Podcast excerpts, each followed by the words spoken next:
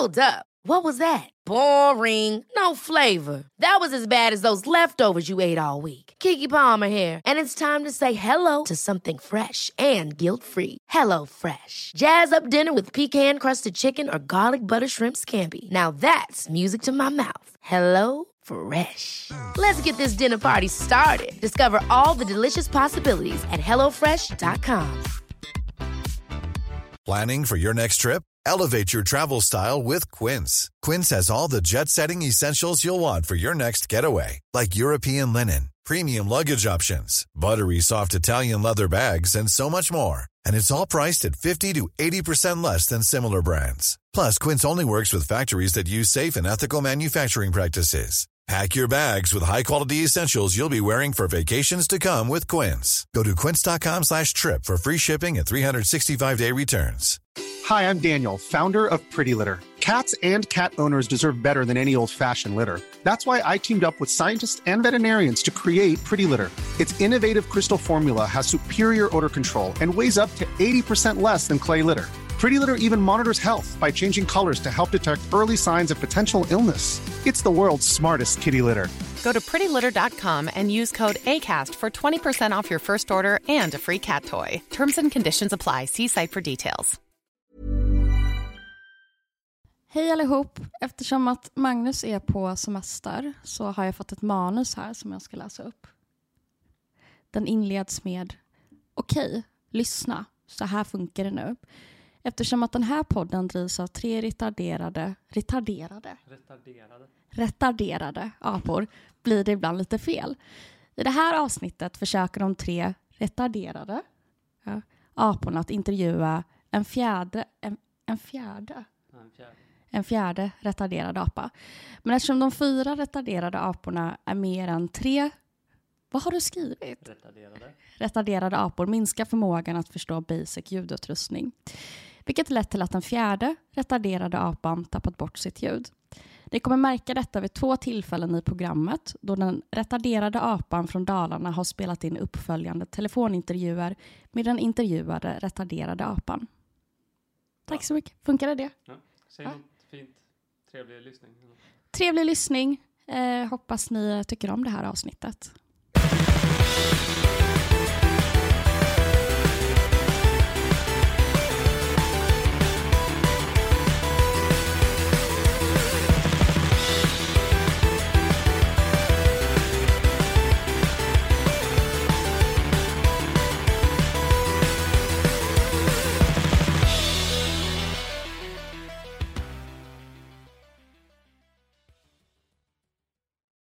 Vi kan väl börja med att säga hej till eh, Johan Grant. Är det som man säger, eller Grant? Ska man vara lite amerikansk? Så, nej, så här är det. Min, min pappa, mitt ursprung och mitt namn kommer från min biologiska pappa. Han var från en engelsk koloni. Mm. Eh, så jag är känslig för kolonialt förtryck. Mm. Eh, I, I spot it immediately. Eh, och då, när det är engelskt så är det Grant, som you Ah. vet. Mm. Eh, och i det amerikanskt så är det Grant. Och i svenskt så blir det Grant. Men eh, så Grant eller Grant? Mm. Trevligt. Och eh, jag tänker så här, vi ska komma in på egentligen, det finns ju, du är ju faktiskt känd för din yrkesroll och allt eh, liksom som har med det att göra och det du gör inom branschen antar jag. Men för allmänheten så är det ju onekligen så att du varit lite av en rikskändis efter externatet på Lunds universitet. Eh, men också din roll på Bulletin som, eh, vad, vad kan, är det krönikör eller vad, är det, vad säger man om en person Nej, som nej, nej, nej, frågor? nej. Alltså, nej, så här är det. Det här är en klassisk så här, psykologspalt. Och ni Mm. har ju läst det där caset. Jag inledde ju till och med det med att jag skulle hedra en gammal rådgivartradition. Nu är ni yngre än mig, men förr när det fanns sådana här spalter så, så började jag alltid med ett brev och, och så, så sa alltid psykologen eller kuratorn då på andra sidan så här. Det är helt normalt det du känner. Eh, Även ibland när det inte var särskilt normalt om någon skrev om alla möjliga konstiga grejer. Men alltså, det är en spalt. Mm. Alltså en frågespalt. Mm. Men eh, nu- jag, kommer att, jag ska snacka med er om en grej som jag tror och hoppas att ni kommer att tycka är intressant. För imorgon, jag ska skriva en text imorgon och ett svar och då har jag några frågor. Men så kom jag på att det är en fråga, jag kommer att ställa en fråga till mig själv som jag sen kommer att besvara. Och eh, jag tror att ni har lite Mm. att säga om det, så jag vill eh, passa på att prata med er om Mm, det. absolut. Ja, det var många ord, en spalt. Hur, mo- hur många sådana har du hunnit svara på nu för Bulletin? Ett, eh, se- se- sex stycken. Ja.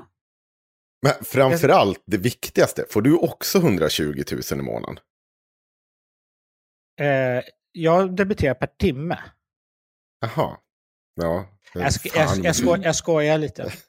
Men ja, nej jag ska inte fråga vad du Ja, får men om vi, exakt om vi får, tar ingången men- till det här, in- om vi tar ingången till det här samtalet, så jag lyssnade på det igår, så borde det ju inte bli Mm. eh, särskilt dyrt. Eller hur? Nej. Men vi kan väl se om jag kanske kan eh, ställa det till rätta då. Ja, men bakgrunden är i alla fall att eh, vi eh, pratade dig om det i avsnitt 110. Och eh, roligt är ju när faktiskt då eh, vi får en förfrågan om att ska vi inte bjuda in honom. Det var, jag fick det via Navid, men du säger att du har fått veta via en eh, kund. Alltså, ja, så, så här, det är, lite, det är lite roligt faktiskt. För det berättar lite om hur det är för mig nu för tiden. Eh, som rådgivare. En, en klient till mig då så här, skulle prata med mm, och vi skulle planera ett eh, utveckling av ett bolag som har växt en massa. Så, ah, okay, så skulle vi göra. Och då började han, och då, då, då sa jag något, jag skämtade lite för jag pratade med hans HR-chef innan han kom in i mötet. Och så, och så när han kom in så sa jag, ja, ja vi, vi håller precis på att prata skit om dig. Och så skrattade han lite och så sa han, ja, apropå det, jag lyssnade på en podd igår och där, där det pratades en hel del om dig och du är tydligen lite speciell. Men det visste jag ju redan, sa han. Och jag hade ingen, då hade jag inte hört alls om det här. Men det är nog möjligt att Navid någon gång sa att jag borde vara med hos er. Men, Okej. men eh, så ni har orsakat mig en hel del så här varumärkesskada. Det kommer en faktura. Ja, Jag tror att Nej, fakturan det- kommer det att fall- åt andra hållet. Det låter ju som att du har fått en otrolig skjuts av det här.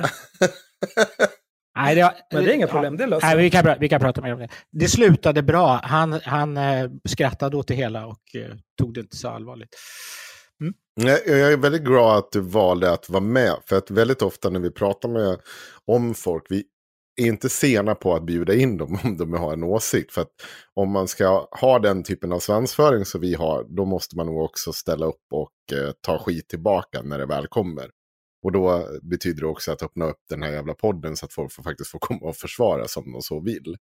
Nu hittills är det väl inte världsmånga som faktiskt har tagit den chansen. Men de är ett, ni är ett tappert gäng. Det är du, vilka är det? Cissi Wallin, Henrik Jönsson, Navid. Navid, Pari, Piratpartiets partiledare, några nazister. Ja. Äh, vi behöver inte gruppa ihop dem på det sättet va? Nej, men jag hade, alltså apropå att komma och vara med och vara dum Mm. nog eller modig nog, vilket du är. Vilket är det? Jag tycker inte modigt eller dumt. Jag tycker att det är... Jag tycker att det kan vara rimligt. Framför allt. För att så jävla farliga är vi inte. Och det är fortfarande, jag menar vi är en granskande podd men vi sysslar även med satir, vi sysslar med Ja, ja. Nej, humor nej, alltså- liksom i allmänhet. Det, det, Nej, nej, men alltså det, var ju, det här var ju en fråga med slags eh, humor utifrån ändå den där grejen att, att, alltså Mm. ängslig, att man är ängslig för Mm. äh, olika saker och, och, och, och lite sådär. Eh, och att det naturligtvis kan vara intimidating och det kan man ju alltid leka med vilken roll man tar då om man ger sig in i, i saker som kan vara riskabelt på något sätt eller svårt eller jobbigt. Så mm. Och jag, är, jag, är liksom, jag ligger inte så högt på den skalan om vi ska prata så. Alltså jag är sån som, jag pratar och gör saker med de flesta. Och jag, jag, jag, ville jag skulle vilja berätta en grej i den här podden om det, som jag, för det är en fråga jag har som också Mm. är rätt intressant och som är kopplat till exakt det här och till, till mig. Vilket för övrigt är Mm. mitt favoritämne. Jag blev inbjuden av Anna Odell. Känner ni till henne, konstnären? Mm. Ja, ja. Det där var ett sånt där mm, som man inte vet om det betyder eller om du mera skämdes så tänkte jag att det är bäst jag håller med så att det verkar dum. Nej, men det var hon som gick på Konstfack och var psyksjuk vid eh, Hornstull som ett projekt. Och Ja, så precis. dokumenterade hur eh, dåligt det. behandlade de blev i vården. Mm. Hon var väl också, det var väl något förra året också med henne om jag inte missminner mig. det, det är saker med henne hela tiden. Ja, men det är saker med henne, henne hela tiden. Hon är liksom bindgalen på, på något sätt i sin persona. Och Hon, jag tycker hon är oerhört skicklig. Jag är väldigt imponerad av henne. Hon gjorde Klassfesten, den här bakvända mobbinghistorien där hon gjorde en långfilm om hur hon inte blev bjuden på klassåterträffen. Och, och, och, och så gjorde hon om klassträffen i filmen så att folk så att hon var med och så visade hon vad som hände och då blev det ju kaos förstås. Och sen gjorde hon den här fantastiska X och Y för ett år sedan där hon skulle blev gravid med Persbrandt. Alltså det var helt jättespeciellt.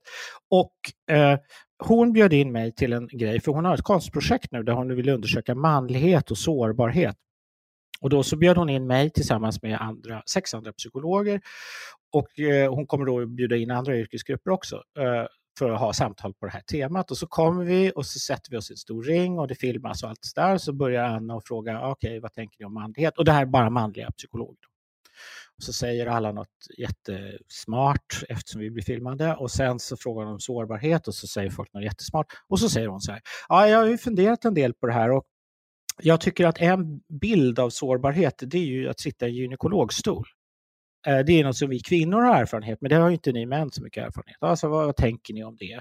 Och eh, sen för övrigt är det så, jag har byggt upp en gynekologmottagning här nere och det finns en gynekolog i huset eh, som kommer att ta emot det. Så jag vill eh, se då om ni kan tänka er att sätta er i den där stolen och så filmar vi. Och så var hon väldigt noggrann med att förklara hur hon tänkte filma och inget, ingen spekulation eller kön eller något sånt där utan bara för hon vill liksom titta på ansiktet och studera det i det där läget. Då. Och eh, det där är lite som en sån där grupprelationskonferens som ni snackade om. Men eh, grejen var att eh, hur många tror ni gjorde det? Vi var sju psykologer. Sex. Ja, Bra gissning säga. Axel. Ja, men vad fan, det är väl inget farligt? Ja, men nu är det din tur. Nu är det din Ja, men då, då tänker jag vara motval, så säger jag en då. Och, eh, En, säger jag. Alla för att hon filmade. Eh, jag, jag hade eh, en... Alltså, Henrik har jag ju pratat lite med också. Du är ju både liksom trevlig och, och strukturerad sådär nu. Så jag känner mig väldigt välkomnad av ditt sätt att bemöta mig. Eh, du är, och jag anade att du var lite bättre än de andra och nu har jag fått det bekräftat. För du har ju rätt. En. Vem, Du kan vem, inte blåsa luft i honom på det sättet. Nej, Det var du. nej, det går inte. Då blir jag störst. End, det måste ju vara du eftersom du älskar att prata om dig själv. Nej, då- det, var ett då, det är inget samband mellan de två sakerna, men du hade helt rätt. Det var jag.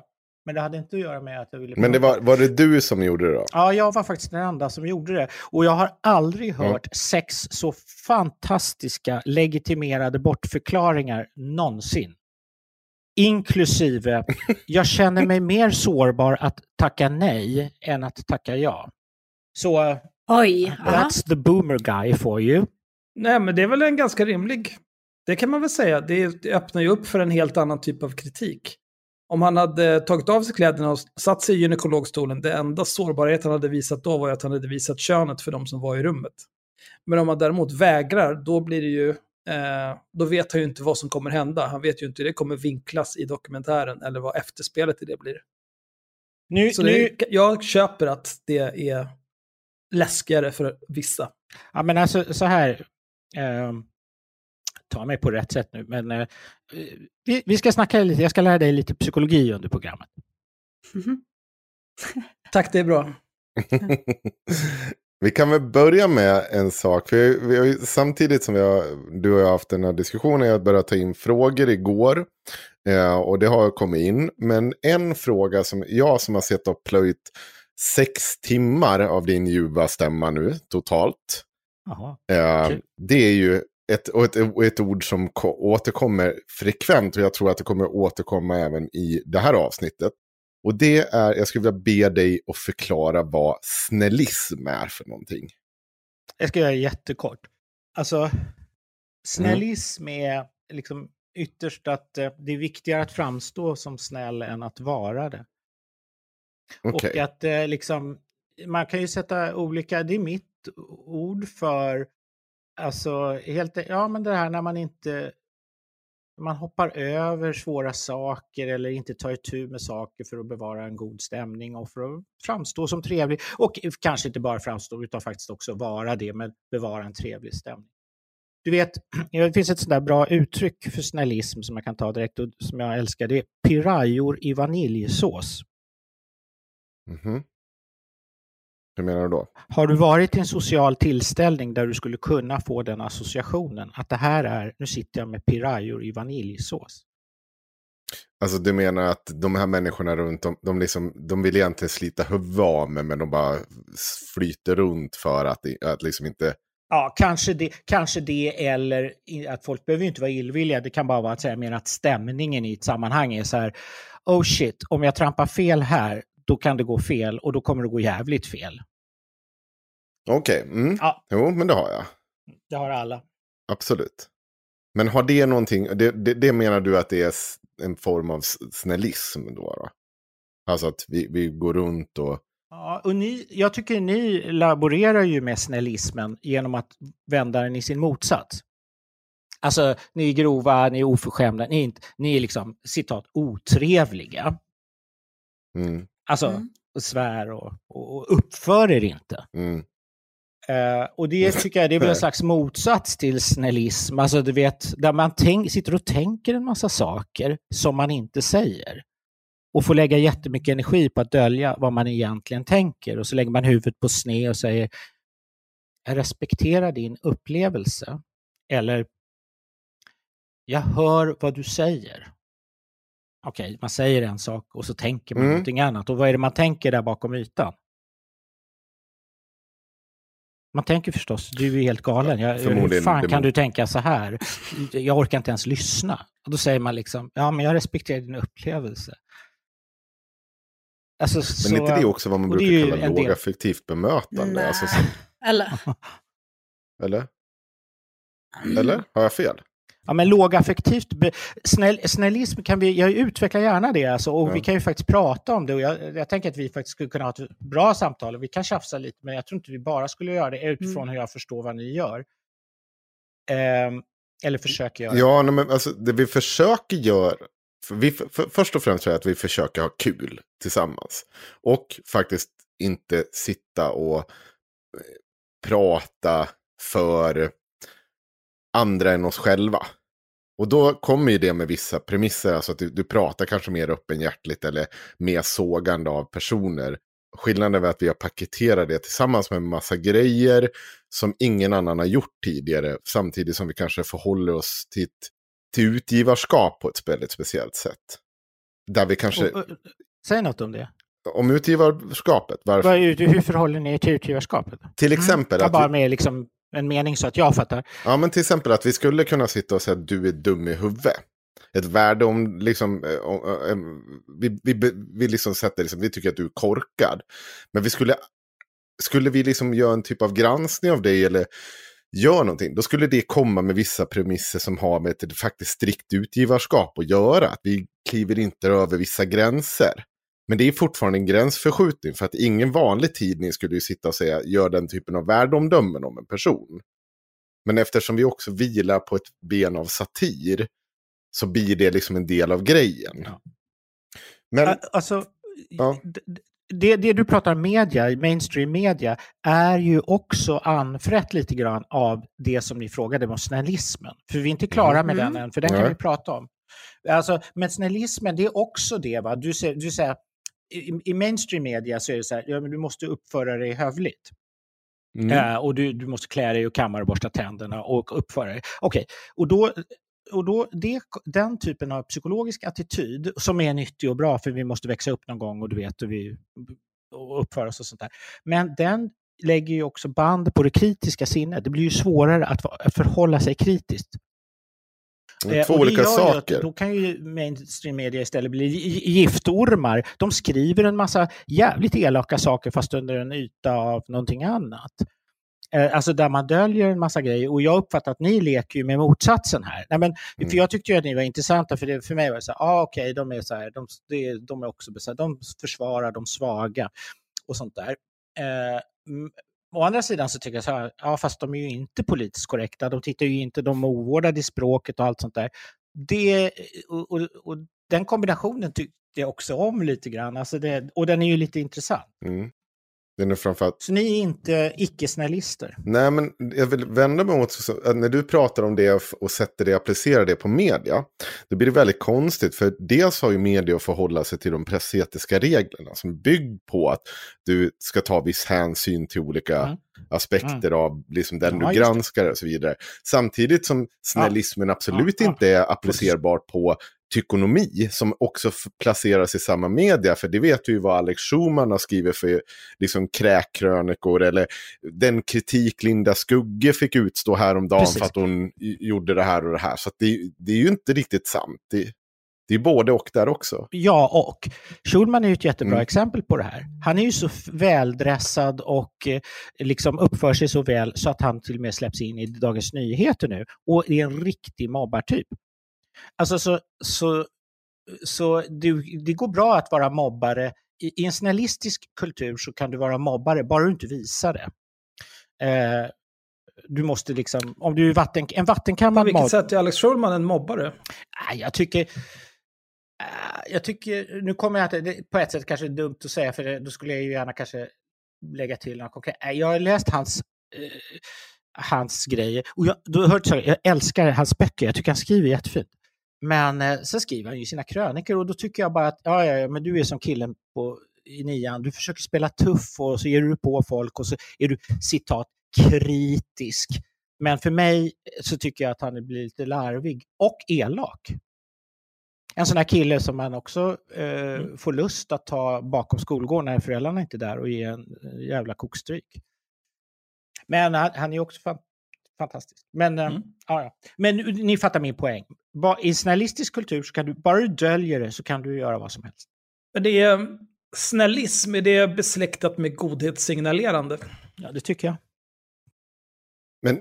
Det här ordet växte fram hos mig när jag jobbade med studenterna. Men jag vet inte, vill ni att, ska vi vill ni ge någon slags... Nej, vi folk ska, har ju hört det. Ja, vi, nej, men vi ska in på det sen. Om men jag det, tänker ja. att vi ska börja med att faktiskt prata om de här orden som har i efterspelet så har det kommit, du har lanserat bland annat snällism, det finns en, en massa saker för att om vi överhuvudtaget ska angripa den här studentgrejen. Eh, för en sak som vi diskuterade mm. när vi pratade om det, det var att vi själva har ju angripit studenterna som på Malmö högskola. Och sagt att det här är ju, det de mm. håller på med där är ju helt sinnessjukt. Det, det saknar ju liksom förankring i verkligheten. Mm. Och när, när, när vi liksom tog upp det så var det också en diskussion om, ja men kan det finnas något liknande här? Men om vi ska valsa oss dit eller liksom ta oss dit mm. så tycker jag ändå så att vi behöver ta oss igenom några av de här begreppen som du har tagit upp på vägen när du har gett din beskrivning av det här. För du har ju fått en ganska stor, eller stora plattformar att bre ut dig i hur du berättar om det här. Eh, du har ju egentligen fått ge ett svar på alla fått stora... Fått, fått, fått, fått. Taget mm. kanske då? Jag vet inte. Fått och fått. Ja. Taget. Jag ville ju göra, så, så, här var det när det här Kalla hände. det vad du vill. Ja, nej, nej, nej. Ja. nej. Nu, nu pratar vi med psykolog, då stannar vi vid saker. Så här, mm. eh, nej men när det här hände, då kände jag ju så här att det här, för det här angår mig personligen. I, mm. i den mån kan ju någon slags, om man alltid säger ingen rök utan eld. Jag är engagerad. Men jag är inget högerspöke. Ah, jag, och jag är inte så här supersexistisk eh, eller omodern eller så. Men när det här hände så kände jag så här, ja, men då kan jag börja jobba med det här på en annan nivå istället för att, att träna yngre kollegor. Det tyckte jag var fantastiskt roligt. Men det var ju också, det är ju som att, liksom, en fis i rymden eller en droppe i havet. Och då när det här kom ut så kände jag så här, nej men vet du vad, det här är ganska bra, för det här tänker jag jättemycket på och inte bara jag. Utan på universiteten, i arbetslivet, så går folk, det är här de pratar om när de dricker sprit på fredagar. Så, så du... då tänkte jag så här, så jag, jag tog mig ett utrymme också. Det, det, du, det, det du är ute och jag gör nu, eller har gjort. Riktigt, men... Ja, jo. Men, men det du är ute och gör nu, det menar du att du är ute på en opinionsbildarkampanj om den här typen av beteende som fick dig att inte få behålla din anställning. Mm. Är det det du säger? Ja, ja, ja precis. Alltså, och, och, låt, låt sätta rubriken snällism på det. Mm. Alltså, och om ni kan hjälpa mig ikväll och, sätta något bra så här, titel på det här klustret av fenomen som inte är så belamrat då. Så, för det vet ju jag, säger man politiskt korrekt, jaha, då är det en boomergubbe. Men okej, väljer du något annat så det är alltid problem. Men, men jag tror att ni vet ju också, ni utmanar ju också på ett sätt lite samma sak. Alltså, låt oss säga snällismen. Så, men, och jag tycker snällism är ganska bra, men bara ganska. Du sa ju i smsen när jag Vad vill ni dig. kalla det? Vad kallar Nej, ni alltså- det? Nej, jag kan gå med på snällism. Ja. Eh, Ja, jag har inte ens en början till en tanke på ett annat namn, men det kanske Absolut. kommer Kan vi ha det som arbete? Jag kan vända mig mot att, jag kan säga Nej. så här, Ja, att jag, jag skulle ja, nog, jag tycker att du blandar ihop olika saker, olika vet du skeenden som, alltså, Du, som vä- sker i vänta, vänta, samhället. vänta, vänta, vänta, vänta, vänta, Ja. vänta, vänta, vänta. Jag ska lära dig en grej. Och det här är så här jag gör med studenterna också. Vänta nu. Du säger att du tycker att jag buntar ihop. Grejen är, än så länge vet du inte riktigt hur jag buntar ihop det, men du kan ana eller du kan ha en farhåga att jag buntar ihop saker och ting. Eh, för du vet inte hur jag buntar Ja, jag har ihop lyssnat saker. på dig i sex timmar. I, jag ja, har, men det nej, betyder... jag har- jo, men vänta, har vänta. ta- Du, har du har inte en objekt... Nej, vänta. det. Ja, ja. Är, men kom ihåg, de är dina slutsatser baserade på vad du har observerat för all del. Men kom ihåg, Mm. andra kommer att kunna dra andra Mm. slutsatser. Så istället för du Såklart. gör, så kan du säga... Men ska ja, jag tala min- för andra eller ska jag tala för mig själv? Nej, du ska, det var ju det du gjorde. Du talade för andra. Du gör... Nu ska du säga så här istället.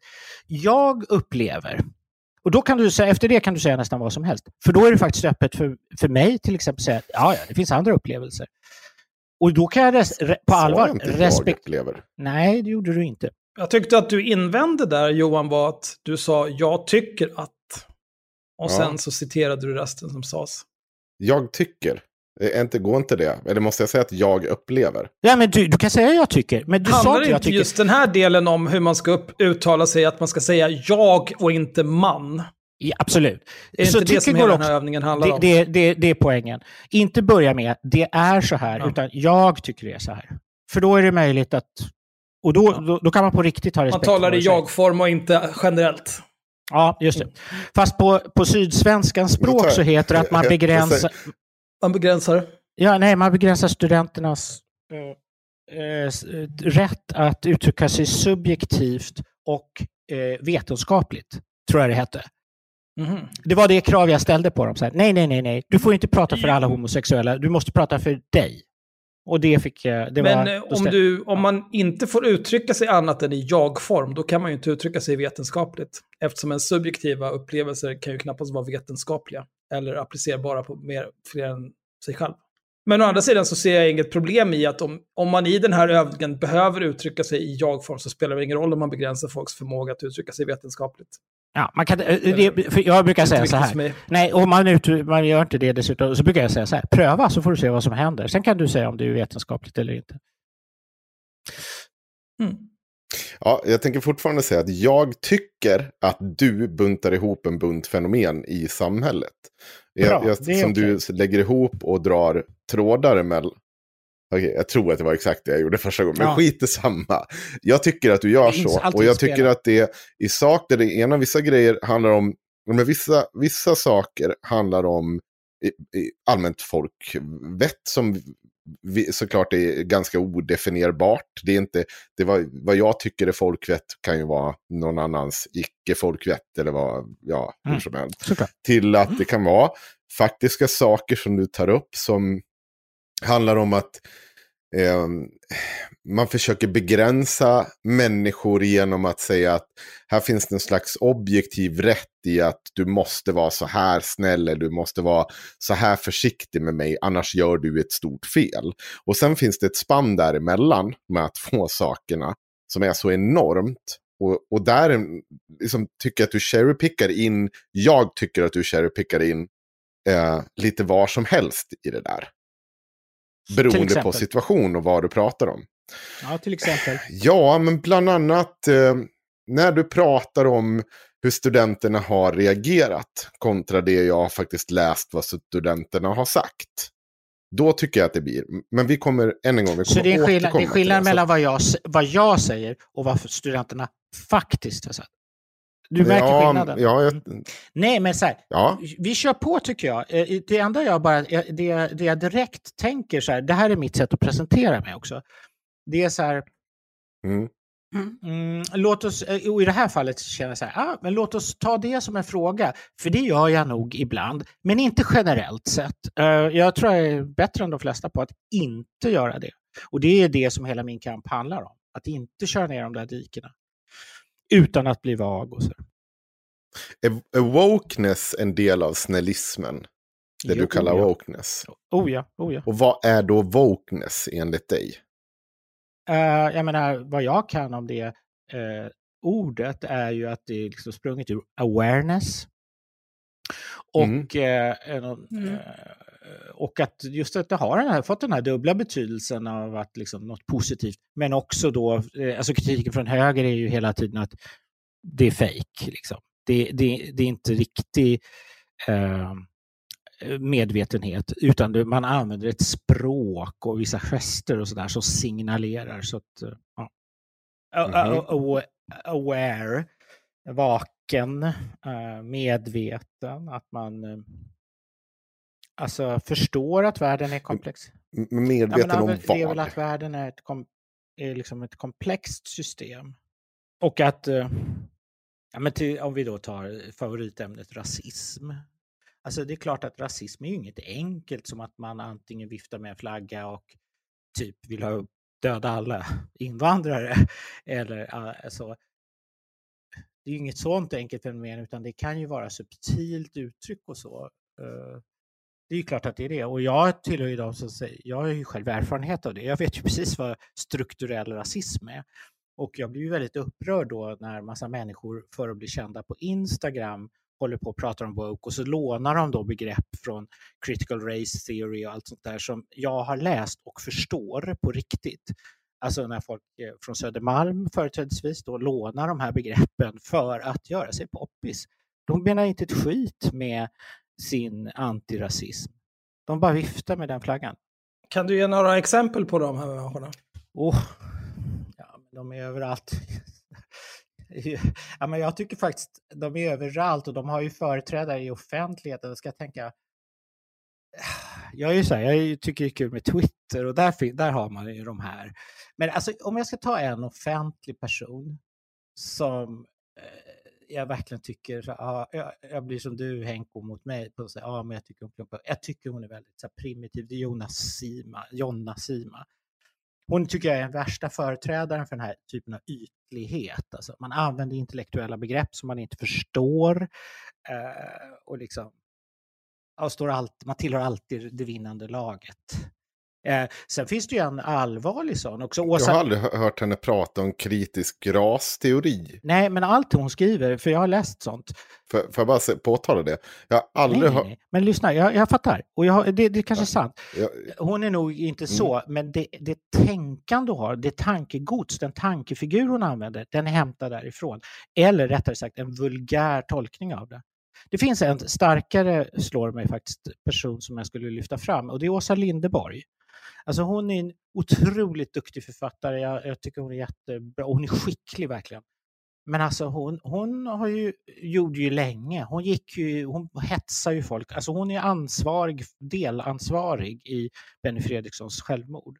Det är ingen tvekan om det. Hon har liksom hetsat massorna, dragit igång en arbetsplatskonflikt där de påstår att han är typ förtrycker arbetare och en massa saker som är antagligen precis motsatsen vad han gör. Och det slutade, och ni vet hur det slutade. Och hon, hon är ju verkligen en god, en sån wow. Mm, jag- Men nu har ju hon börjat, hon har ju börjat byta lag, precis som mitt favoritämne ikväll, nämligen Cissi Wallin. Hon har ju också bytt lag. Mm. Vi kan Jaha. ta henne, men jag, jag vill nog stanna där, för, för vet du vad, för, eh, än en gång. Va, ingen av de två du har nämnt har jag någonsin hört pratat om liksom critical race theory. Det, det är fortfarande två personer som inte har pratat om det, och jag vet inte om i termer av wokeness, om vi ska prata om Åsa Linderborg, så tror jag att det finns en hel del personer som kommer tycka att du snackar skit. Nej, men, oh, Eh, inte, nej, och vänta, jag skulle säga att vänta, vänta, när det kommer till Benny Fredriksson, Ja.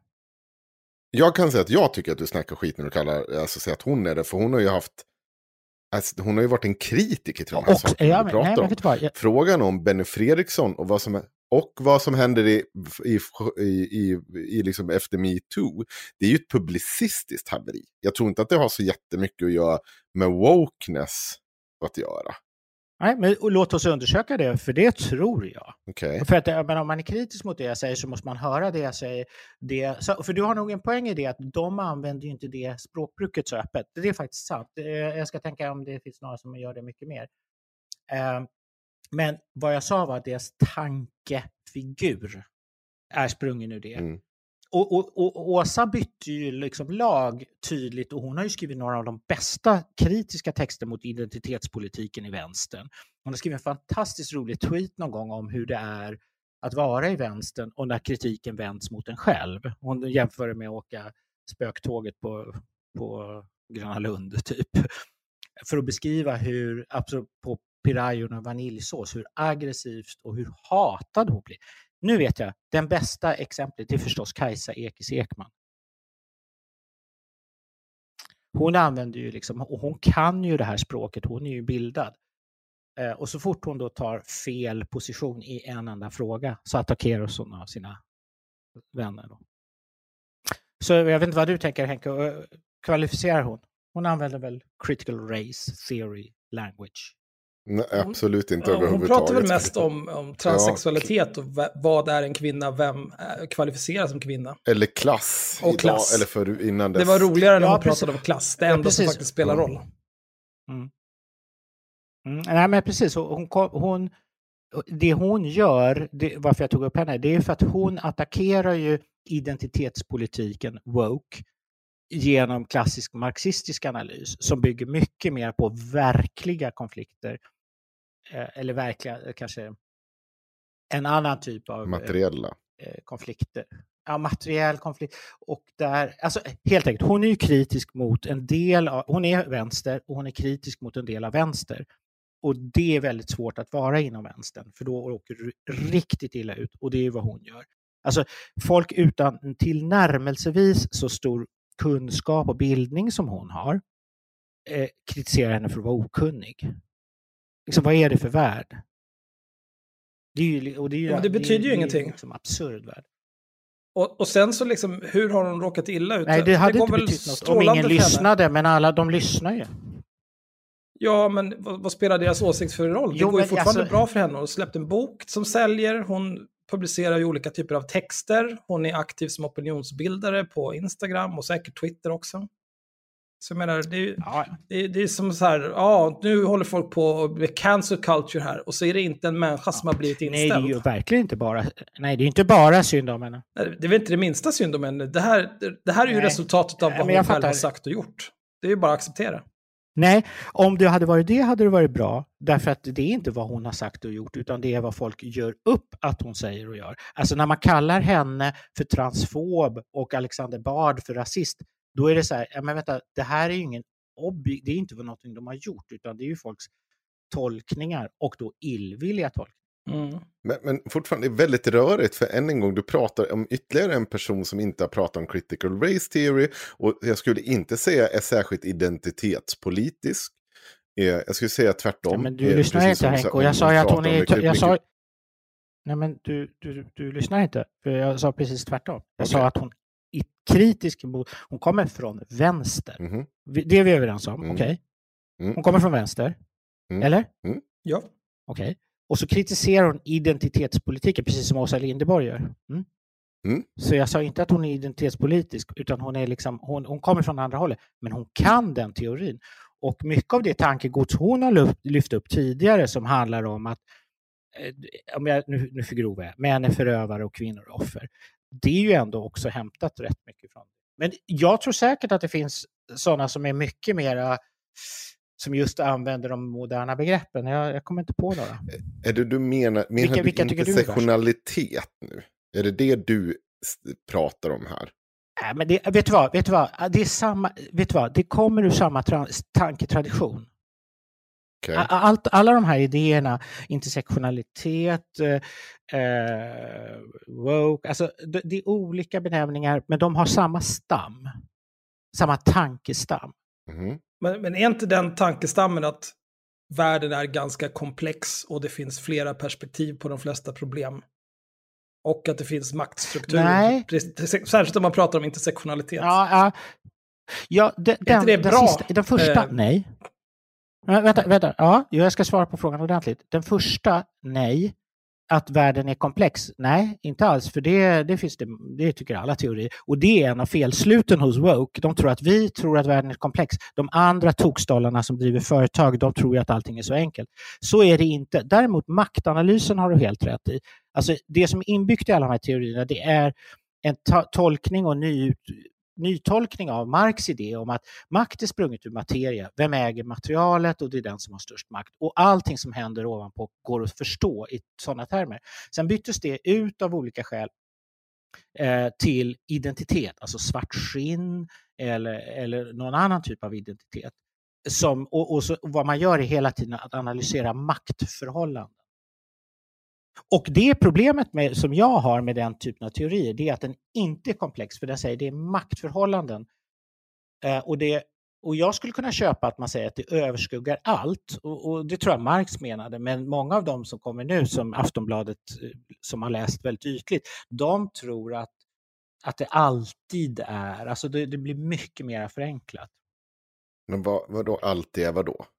Vad är det de här människorna alltid tror och tänker? Nej, men att, till exempel allt, om någon, om jag ska vara konkret, jag har en egen erfarenhet som jag kan dela. När jag växte upp så fick jag ofta frågan, var kommer du ifrån? Mm. Okej. Och om jag reflekterar på djupet över vad den här frågan betydde för mig, där jag var i olika platser i mitt liv, så kan det vara en välkomnande fråga. Jag är nyfiken på dig. Vem är du? Var, var kommer du ifrån? Alltså, det, det kan vara äkta nyfikenhet. Det är väldigt fint, inkluderande political race, race theory language. Eh, men det kan också vara, och var kommer du ifrån? Som ett sätt att ha kontroll över mig. Du är annorlunda från början och det ligger i frågan. Och, och varför säger jag det? Jo, därför att det är, då är det komplext. Va? Det är på två olika... Det, en sån kommentar kan vara uttryck för en slags rasism, men den kan också vara uttryck för något helt annat. Eh, och i critical race theory och generellt i de här teorierna, de är ju olika inom också, så är det så. Alla sådana frågor är alltid har sitt ursprung i kolonialt förtryck. Bara. Eh, Och om du inte ser det, då är du en husblatte. men menar Du du att Aftonbladet förespråkar Som den inte är idén? tillräckligt upplyst. Och Jonna Simma? Till Oh, exempel? ja. Okej. Oh ja. Oh ja. Men eh, jag eh, har ju också blivit tillfrågad var kommer du ifrån en hel del i mitt liv. Jag har, allt, jag har mest tyckt att det är en tröttsam Mm. fråga. Ehm, Sen visst, Och- beroende på kontext du- så kan man ju förstå intentionen huruvida det är inkluderande eller exkluderande. Jag skulle säga 95% av gångerna har det väl varit inkluderande. Men jag kan samtidigt förstå varför man eh, all, kan säga att den all, all, i tio gånger av tio är, beror på någon typ av eh, kolonialt arv. För att det är ju fortfarande en fråga som baseras helt och hållet på att du och jag inte är allergiska mot solljus. Och det är någonting som vi, vi tydligen måste prata om. Och det är ju en helt ointressant sak att prata om. Jag tycker inte den är ointressant, för hudfärg är ju jättepåtagligt. Jo, men det är inte allt. Nej, nej, men, men i, oftast så är det ju inte liksom i någon positiv bemärkelse. Antingen så är det väl rasism eller exotifiering. Nu, så här. Jag, jag är ju boomer, så att jag, då berättar man historier. Mm. Jag, alltså, jag, jag känner att jag trasar sönder din agenda, Henrik. Nej, inte överhuvudtaget. Jag kommer säga till om det. Kör på. Det är bara kör. Vi har all tid i världen om det är så. Nu så här. Ja. jag, funder, jag funderar verkligen, jag, men jag funderar jättemycket på det här med den här frågan som jag har fått flera gånger. Vad är det där externatet som jag har fått bre ut mig? Mm. Eh, Mm. Eh, och då, det, det, är så här, det är otroligt svårt att beskriva. Det bästa sättet, tycker jag, att beskriva det, för mig i alla fall, det är så här, genom konkreta historier. Och då är det en som jag tycker är otroligt talande generellt. Det var så här. Då, då, då sitter alla i klassen, med 40 stycken, så sitter man i en öppen sittning så här, och den kan se lite olika ut. Och så har man som uppgift då att prata om hur är det här och nu? Vad är det vi håller på med egentligen? Alltså, och, hur upplev och det enda sättet man kan göra det, det är att dela sina upplevelser, att man tycker det är något spännande eller otäckt eller eh, hur man upplever vad folk säger och sånt där.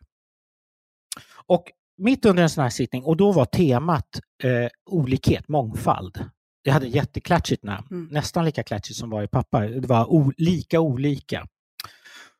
Och då skulle man prata om på vilket sätt man känner igen sig varandra och inte och vad det gör med den kultur man bygger upp. Och då så säger Innan du går vidare, får jag fråga en sak? Vilken, vilken Mm. termin var det här? Vilket år De termin? går på, de var går det? på, ja, det här var, jag tror, det var, jag tror faktiskt att det var så här, det var det året som kursen som helhet fick högst utvärdering av alla. Och det ska jag rätta en grej som, som, faktiskt, som jag vet att ni har en bild av. För det är många fler som tycker om den här kursen än vad som framgår. Och jag ska förklara varför. Men det är så här, eh, det året, jag tror det var nitt- eh, 2017, då- så här, och det, det, det blev en intressant process i den här gruppen. Och, och då var det en viktig händelse. Det var så här. Eh, under det här temat så säger jag, efter, av någon anledning, så säger jag så här. En sak som inte utforskas i den här gruppen, det är vad det innebär att ledaren är en svart äldre person från Stockholm. Eller någonting i den stilen. Men jag påpekade på min hudfärg. Och det gör jag då, eftersom jag är psykolog så vet ju jag att det finns djupt liggande föreställningar, och eftersom jag har läst min Marx, så vet jag att det finns djupt liggande föreställningar hos människor om hudfärg. Även om du inte är medveten om dem, så finns de där. Och det är uppgiften i den här konferensen, det är att titta på det som är under ytan. Okej, så då säger jag det. Och då blir det tyst och några säger, äh, ska vi ha, vadå hudfärg?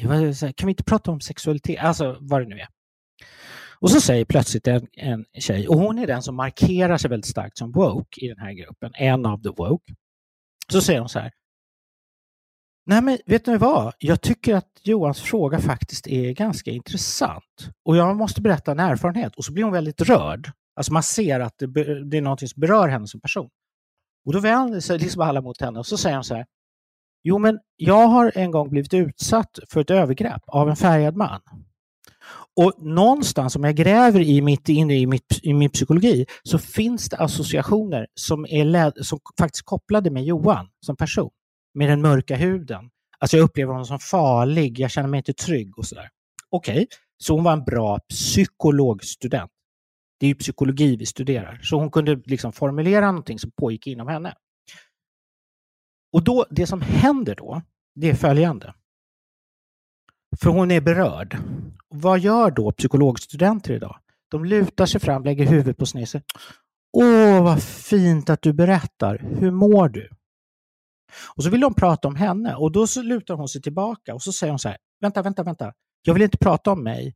Jag vill prata om den här, det är inte synd om mig. Jag vill prata, jag, och jag behöver inte er tröst. Vad jag vill ha, det är att förstå de här associationerna jag har, för de är rasistiska. Och det är liksom, det är omöjligt, var omöjligt för den här gruppen att ta emot det. Och, då, och vad de gjorde då, då, var, då satte de sig allihopa i en ring. Och, och notera, nästan bara kvinnor sätter sig i en ring runt henne, klappar henne på knät och liksom, de vill att hon ska gråta över den här upplevelsen. Det är deras bild av empati och då gör jag en tolkning. För det är det man gör i en sån här konferens. Då tolkar jag, då sa jag så här, i det här systemet just nu så är det intressantare att fly från uppgiften som är att utforska vad är det för slags föreställningar vi har i den här gruppen som styr vårt beteende. Och till förmån för en uppgift som vi är mycket mer trygga med, nämligen att vara empatiska mot en individ. Är ni med? Håller du med om att hennes associationer var rasistiska? Kanske. Det vet vi inte, därför vi undersökte dem inte. För att det var det systemet gjorde. Vi gick in i något som var bekvämt och vanefyllt, nämligen att leka terapeuter. För det vet vi hur man gör. Men att undersöka vår rasism, det vet man inte hur man gör. Och det är det jag bjuder in till det här Vad- vad arbetet. hände Men sen vänta, då? vänta, stopp, stopp, stopp. Det det här jag Men inte håller ni inte, håller inte med om att det är intressant? Håller ni inte med om att det också, ni behöver inte hålla med mig, det här är ju min läsning av situationen. Men håller ni med, är, är det inte intressant? Mm. Alltså, och ganska talande. Superintressant, men jag har fortfarande en väldigt, väldigt konstigt. Jag tycker det blir konstigt, för det, jag upplever Alltså som att du Henko. hoppar mellan vad externatet är för någonting. Ena sekunden så ska vi utforska gruppens, vad, vad som händer med gruppen. Mm. Och i det här fallet borde ju då utforskandet vara att utforska gruppen varför de agerar som de agerar kring henne. Det var ju precis det Nej, jag men gjorde. Är inte... Alltså jag har heller ingen, ingen faktisk så här, konkret bild av vad externatet är. För att överallt där man läser så är det så himla fluffigt. Men jag har fått uppfattningen om att man ska undersöka typ hur människors undermedvetna påverkar gruppdynamik. Inte, vå- inte människors, utan våra. Man gör det här och nu. Det är Ja, därför det, Gruppmedlemmarnas Ja, precis. Och det, är därför, just det, och det är därför den är så utmanande. Mm. För vi sitter inte och pratar om hur folk är, utan vi pratar om oss själva, här och nu. Gru- på gruppnivå. precis. På, bara på gruppnivå. Ja. Så precis det du då, efterlyste. Jag varför, förstår var att det är hon, svårt. varför var hon intressant då? Varför var hennes enskilda tanke om rasism, varför skulle vi utforska det i det sammanhanget? Förstår, förstår Ja, men- du min ja, jag för- fråga? Jag, jag, jag tror jag förstår frågan precis. Och jag ska försöka svara exakt. Eh, och, det är så här, och din fråga är jätterelevant och den är intressant ur socialpsykologiskt perspektiv. Och det är det här perspektivet jag förde in som den här kursen hade. Det är att varje, när en person säger någonting så är den bärare också av sin roll. Och i hennes fall så kan man tänka, och roller är alltid komplexa, men i hennes fall så blev det just då var hon bärare av en modig roll som vågade ägna sig åt uppgiften. Nämligen att undersöka vilka fantasier som fanns i systemet. Och det enda sättet att göra det, det är att delge sina egna upplevelser av vad som händer. Och hon gjorde ju det genom att säga, men vänta nu, de här att vi avfärdar Johans fråga, är inte det också ett sätt att undvika en sak? Och åtminstone har jag en stark upplevelse av till exempel att ha fördomar. Och den eh, tillhör också systemet, det är inte bara min personliga grej. Och det är Tror det som inte du- händer under... Tror inte du att de hellre reagerar över att hon berättar om ett övergrepp? Snarare än att, och liksom det är det de söker att trösta, inte att de Precis. försöker trösta bort någon typ av rasism. Och det är väl inget Exakt. konstigt att den empatiska känslan kommer fram hos en grupp när någon precis har berättat Nej. om ett övergrepp. Nej, nej, nej, nej, inget konstigt. Det intressanta är att tänka djupare på, var, för det var ju också så här, om jag tar ett helt annat perspektiv, då skulle jag kunna säga så här, men Henrik, är det inte konstigt att en grupp med 40 högpresterande studenter på en av de, Sveriges mest krävande utbildningar väljer att inte förstå vad uppgiften är. Du Nämligen att de att utforska väljer. våra... Ja, men du, ja, ja. för det, någonstans finns det ju ett val som system så pratar de ju faktiskt om henne som individ och övergreppet. Men det är ju inte Jo. det som är fokus för, och det kan ju vara väldigt mänskligt och förståeligt, men det är ju inte fokus, inte uppgiften. Ja. Du hoppar väldigt mycket mellan att säga åt andra att förklara att de måste berätta hur de känner eller vad de tycker, för annars blir det fel. Men du själv säger liksom, de här personerna väljer, de är så, si och så, hej och Nej, hå. men det var du. Nej, jag, nej Det är ett det, väldigt starkt påstående att 40 personer väljer Ja, att göra vet fel. du hur stark... För att vi inte gör så som du okej. vill. Nej, nej, nej. Men det där la du till, för det är din tolkning att det är för att jag inte vill. Utan vad jag vill det är att de lär sig hur stark gruppdynamik är. Har ni någon Mm. aning? Men det var ju du som var, det var, ju du som var ledaren för den här övningen. Precis. Och sen säger du att 40 personer väljer att inte förstå uppgiften. Nej. Det är ju din Ja, ju- uppgift som du leder. Då, Så det är 40 personer som väljer att inte göra som du Nej, vill. de var ju- du tar var ju liksom nej, nej, rätten nej. att anta att de har gjort det valet. tar- Det kan inte ha någonting att göra med att du har förklarat det dåligt eller att du leder uppgiften dåligt. För att förstå det här så måste man gå djupare i och förstå vad det här är för en konferens. För det är allting är oerhört noggrant specificerat vad det är vi ska göra. Och vad värdet med det här är, det är att vi har möjlighet som psykologer och andra så här, att studera hur gruppdynamiken griper in i hur vi till exempel har, hur svårt vi har att förstå en uppgift. Och man gör det här på ett väldigt avskalat sätt i syfte att just se hur mycket vi lägger till subjektivt som individer. Och det är en fantastisk upplevelse när du märker det. Och det är precis så. 40 människor kan under en period, det gör man regelmässigt i en gruppprocess, missuppfattar uppgiften. Och om, det, om man inte förstår det och tar det som uttryck för arrogans, då förstår man inte gruppdynamik och förnekar vilken kraft det har. Fast nu nu Och- ändrar du dig. Nu då- säger du Då missuppfattat. låter det ju som att de har genomfört uppgiften om de har missuppfattat den. För att det var väl det som var syftet, Nej, att de skulle nej, nej, missuppfatta nej, den. du- Och inse att de har missuppfattat den. Precis, just det, om du inser det ja. Det är, Ja. ja. exakt. Det, du- exakt. Okej, s- så det är insikten om sitt eget misslyckande som Ja, men, och, och, för att bara säga, det är ju inte bara misslyckanden, det är också framgångar.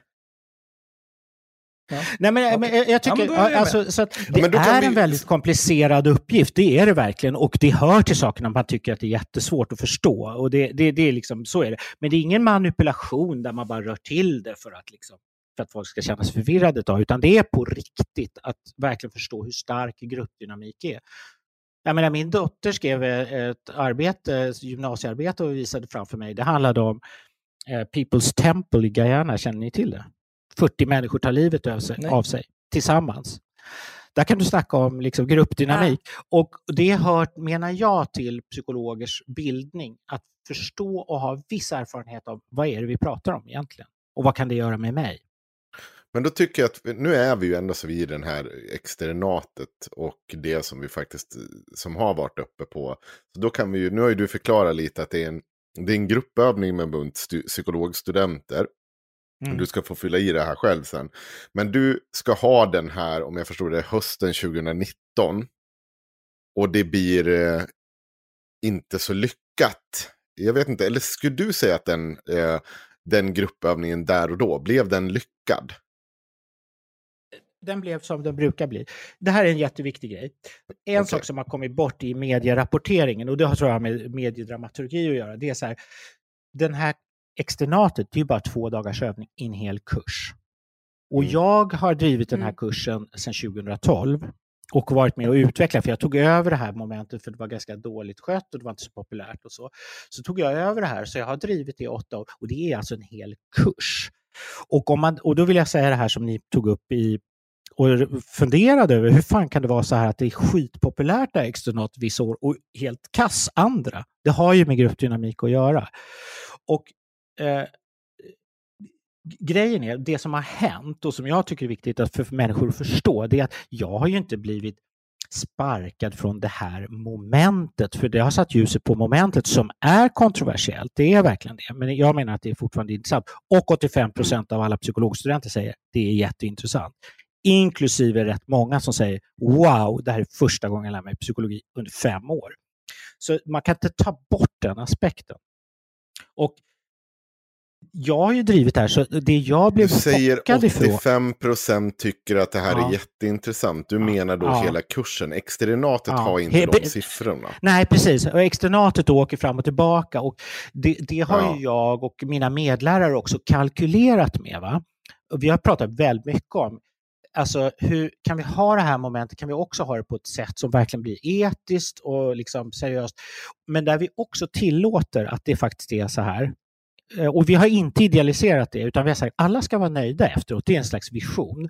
Men vi får också stå ut med att folk inte riktigt är det och att vi kommer också få sånt här som där människor, du vet om fem, sex år eller kanske 20 år fram i sin karriär säger Åh helvete, nu förstår jag vad, vad vi höll på med på det där externatet. Så vi kalkylerar med det. Ja. Eh, och, och det är ju liksom, och det är, jag tar inte lätt på det, för jag menar det är klart att vi måste göra det. Men när vi har fått frågor från studenter förstås, hur försvarar ni det här etiskt? Då har vi sagt, jo men därför att vi tror att lärandet, alltså det vi kan vinna, är så mycket större än det obehag som det kan vara. För det kan jag säga, det enda som händer det är att man upplever obehag. Det sker ju aldrig några riktiga överträdelser. All, jag har aldrig varit med om någonting. Men alltså det, det är ju ingen som säger det jag något. tänker ha med de här flukt f- varierande betygen för, för just externatet, inte kursen i sig, är ju just för att det handlar om en grupp. Så är man i en grupp som man kanske inte riktigt kan samarbeta Ja, med på det precis. sättet, eller man kanske inte får ut allting man skulle vilja få ut, så blir kanske betyget lägre. Ehm, och samma sätt om det finns studenter som inte fattar idén med det. För det verkar ju vara så att Ja, många har svårt att fatta Ja, det, precis som du Precis. säger, att folk kanske inte fattar det förrän flera år efteråt. Ehm, men förankrar ni liksom det ni gör i externatet, förankrar ni det senare i kursen? Alltså reflekterar ni över det och arbetar utifrån det? Oh ja, oh ja. Alltså vi har jobbat jättemycket med det här. Och saken är att jag tycker Mm. vi har jobbat ganska... Alltså jag hade som vision när jag tog över det här, då sa jag så här. Alla studenter ska gå, alltså från skala från neutral till positiv och negativ, så här, alla ska vara från neutral och uppåt. Det är vår vision. Sen kommer det inte att bli så, för det, det hör ju också till, vi har ju, träffar ju också på studenter som inte ska gå på psykologutbildningen. Men det är en annan sak. Men det hade jag som vision. Så vi har jobbat väldigt hårt med det här och vi gör det bland annat genom, det är så här att inför den här konferensen så, så är det så här, det, det är en gammal form och det är väldigt strikt. Va? Man jobbar oerhört strikt med Mm. tider och allting och man säger ingenting i övrigt för att göra det smooth. Just för att man ska kunna undersöka vad, vad är det vi själva håller på att skapa här som gör att vi, allting blir helt förvirrat. Och då är det så här att den här eh, broschyren, den är ju väldigt genomtänkt och också ger, nu läste, ni läste ju igenom det där och det är faktiskt så att, det var ju min kritik, för jag tror att ni läste den lite slarvigt. Eh, ja, för där är varje ord vägt på liksom våg och det ska vara e, oerhört exakt med vad som uppgifterna är, just för att vi ska kunna se hur det inte blir. Och det sätt man förbereder konferenser, jag brukar förbereda, och det hände, det tror jag var en sak som gjorde att det blev lite kaos det här året. Eh, men inte den viktigaste, det var att i vanliga fall så börjar kursen med två dagar och då pratar vi med gruppen och säger så här, okej, ni har gått här i fem år tillsammans snart och det formar er, ni bygger en kultur. Och nu ska, den här kursen handlar om organisationskultur. Så nu ska ni titta på hur ni har byggt er kultur och genom att förstå lite mer av det så kan ni också förstå, liksom, och så kopplar vi det till teorier så ni kan fatta. Okej. Eh, och det de alltid säger då under de här två första dagarna är det så här, ja ah, just det, för vi bygger en snällistisk kultur. Och vad är det då? Jo, då säger de så här, jo men det är att ibland så liksom är vi artiga istället för att fråga vad menar du? För vi är rädda att störa stämningen. Och det vore skönt om vi kunde ha, och bra för uppgiften, Men nämligen blir- läsa psykologi. Vänta, nu, Om vi kunde ha de större- säger vänta, väl inte att det är en snällistisk kultur? Det är du som Jo, lägger jo, det ordet jo. Nej, nej, nej, nej, nej. Säg, använder du de bara- ordet snällism? Ja. Eh, Det här ordet har under de här åtta åren etablerats som ett begrepp som väl, och tycker både jag och de tillsammans, fångar det som de vill beskriva.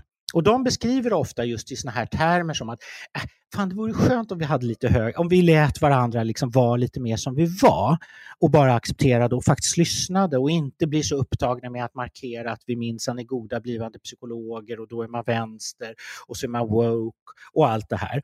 Och problemet är att nämligen, det är ju inte så att de är woke. Det här är ju borgerliga överläkardöttrar, 80 procent av dem. De är inte dugg liksom vänster, men alla låtsas som att de är det, därför att det är normen på universitetet. Alltså, inte du bara lägger dåliga så skäl. jävla mycket det- grejer det- i folks munnar. Alltså. Ja. Det är helt sjukt. Kan jag få köpa siffror Ja, på det något där- av jag- det här? jag- Ja, ja, absolut. Jo, det får du gärna göra. Och du kan börja med att läsa eh, i, i Lundagård, studenttidningen. De undersökte nämligen Mm. det här liksom två tillfällen därför att det kom signaler om att jo, det pågår sexism och allt möjligt sånt där. Och så undersökte de det två gånger och så säger de nej, det är inte så. 85 procent, det är deras siffra. Den finns där, du kan få alla utvärderingar. Säger, vet du vad, Mm. det här är första gången som jag faktiskt liksom får vara som jag är och lära mig. Så, och då tänker jag, och varför jag säger det, det är så här, därför det är väl ändå intressant fenomen. Att 85 procent säger det här är ju skitintressant och de andra säger här pågår rasism. Okej, låt oss prata om Jag hur tänker mer på...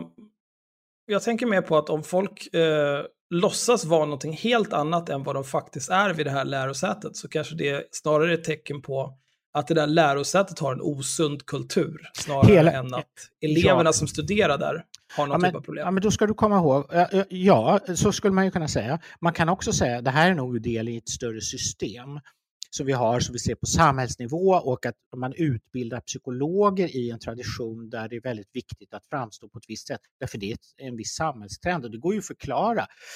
Och jag har ju varit lärare på andra universitet också. Och det är ungefär samma sak. Mm. Fast där kan skiljelinjerna gå mellan andra, liksom andra saker än det som just nu är väldigt populärt, nämligen wokeism. Men det är så konstigt. För, vet, om, om jag, nu är det så här, nu pratar du med en person, jag har inte eh, en studieskuld på liksom en krona ens. Eh, men Mm. om jag tänker mig in i ett lärosäte, alltså så ett lärosäte när det kommer till att du ska studera psykologi. Då förutsätter jag någonstans att det här är människor som ska ta hand om min mentala hälsa eller liksom hjälpa mig med det på olika sätt. Och det, det, det i sig kräver ju såklart en viss mått av att du, du som psykolog ska checka mig när jag sitter och snackar skit. Men det kräver ju också en enorm portion empati. Mm. Och det är det du sitter Mm. och säger mer eller mindre att det, det, det, det du säger är snäll, snällism. Uppfattar jag, hör jag, är på något sätt, det är ju empati som det pratas Nej, om. Här. jag, jag, vet vad, jag fattar din fråga och jag tycker det är en skitbra fråga. Och det, den här frågan, alltså, i varianter brukar jag ju få. Hur ska jag, till exempel som blivande psykolog, ha de här förhållandena? Och då, då, då skulle jag vilja säga så här. I, i ramen av den här andan av att undersöka sina antaganden. Det, det, det är ju så här med psykologyrket så finns det ju, tycker jag, som skär igenom också eh, hur man utbildar psykologer. Det finns två sidor. Det finns en som är kritisk, akademisk, alltså kall som ser saker som de är, som kan säga till dig, hörru du, fast jag undrar om inte det där är dina föreställningar. Det är den ena sidan. Den andra är den, som du säger, den empatiska som är, jag, vet du vad, jag förstår dig. Jag fattar att du känner sådär, fy fan. Det är två sidor i psykologyrket och jag menar ju att man ska ha balans mellan de där två för att klara yrket på ett bra sätt. Och att det är alltid något man måste söka, att man både, att man både kan vara liksom införstående och sådär. Och mitt sätt att försöka, och jag tror att jag misslyckas någon gång ibland, men mitt sätt att försöka vara sådär empatisk, det är att jag, till exempel när jag leder en sån här gruppövning, det är att jag kan förstå och känna med den här lusten att inte säga emot till exempel att gå, att vara som alla andra. Ja, ja det, är, det är en del av min empati. Ja, och så jag sitter inte heller och dömer folk och säger du är ju helt hopplös, jävla medlöpare. Jag, jag försöker verkligen stå över det och tänka okej, okay, här ser jag medlöperi, det väcker känslor hos mig. Hur kan jag förstå det? Och där försöker jag få in min empati. Så jag tycker inte, i verkligheten är det ofta det där för en tränad person som är i alla fall, det är faktiskt inte så himla svårt. Vi kan titta lite Johan, mång... så här.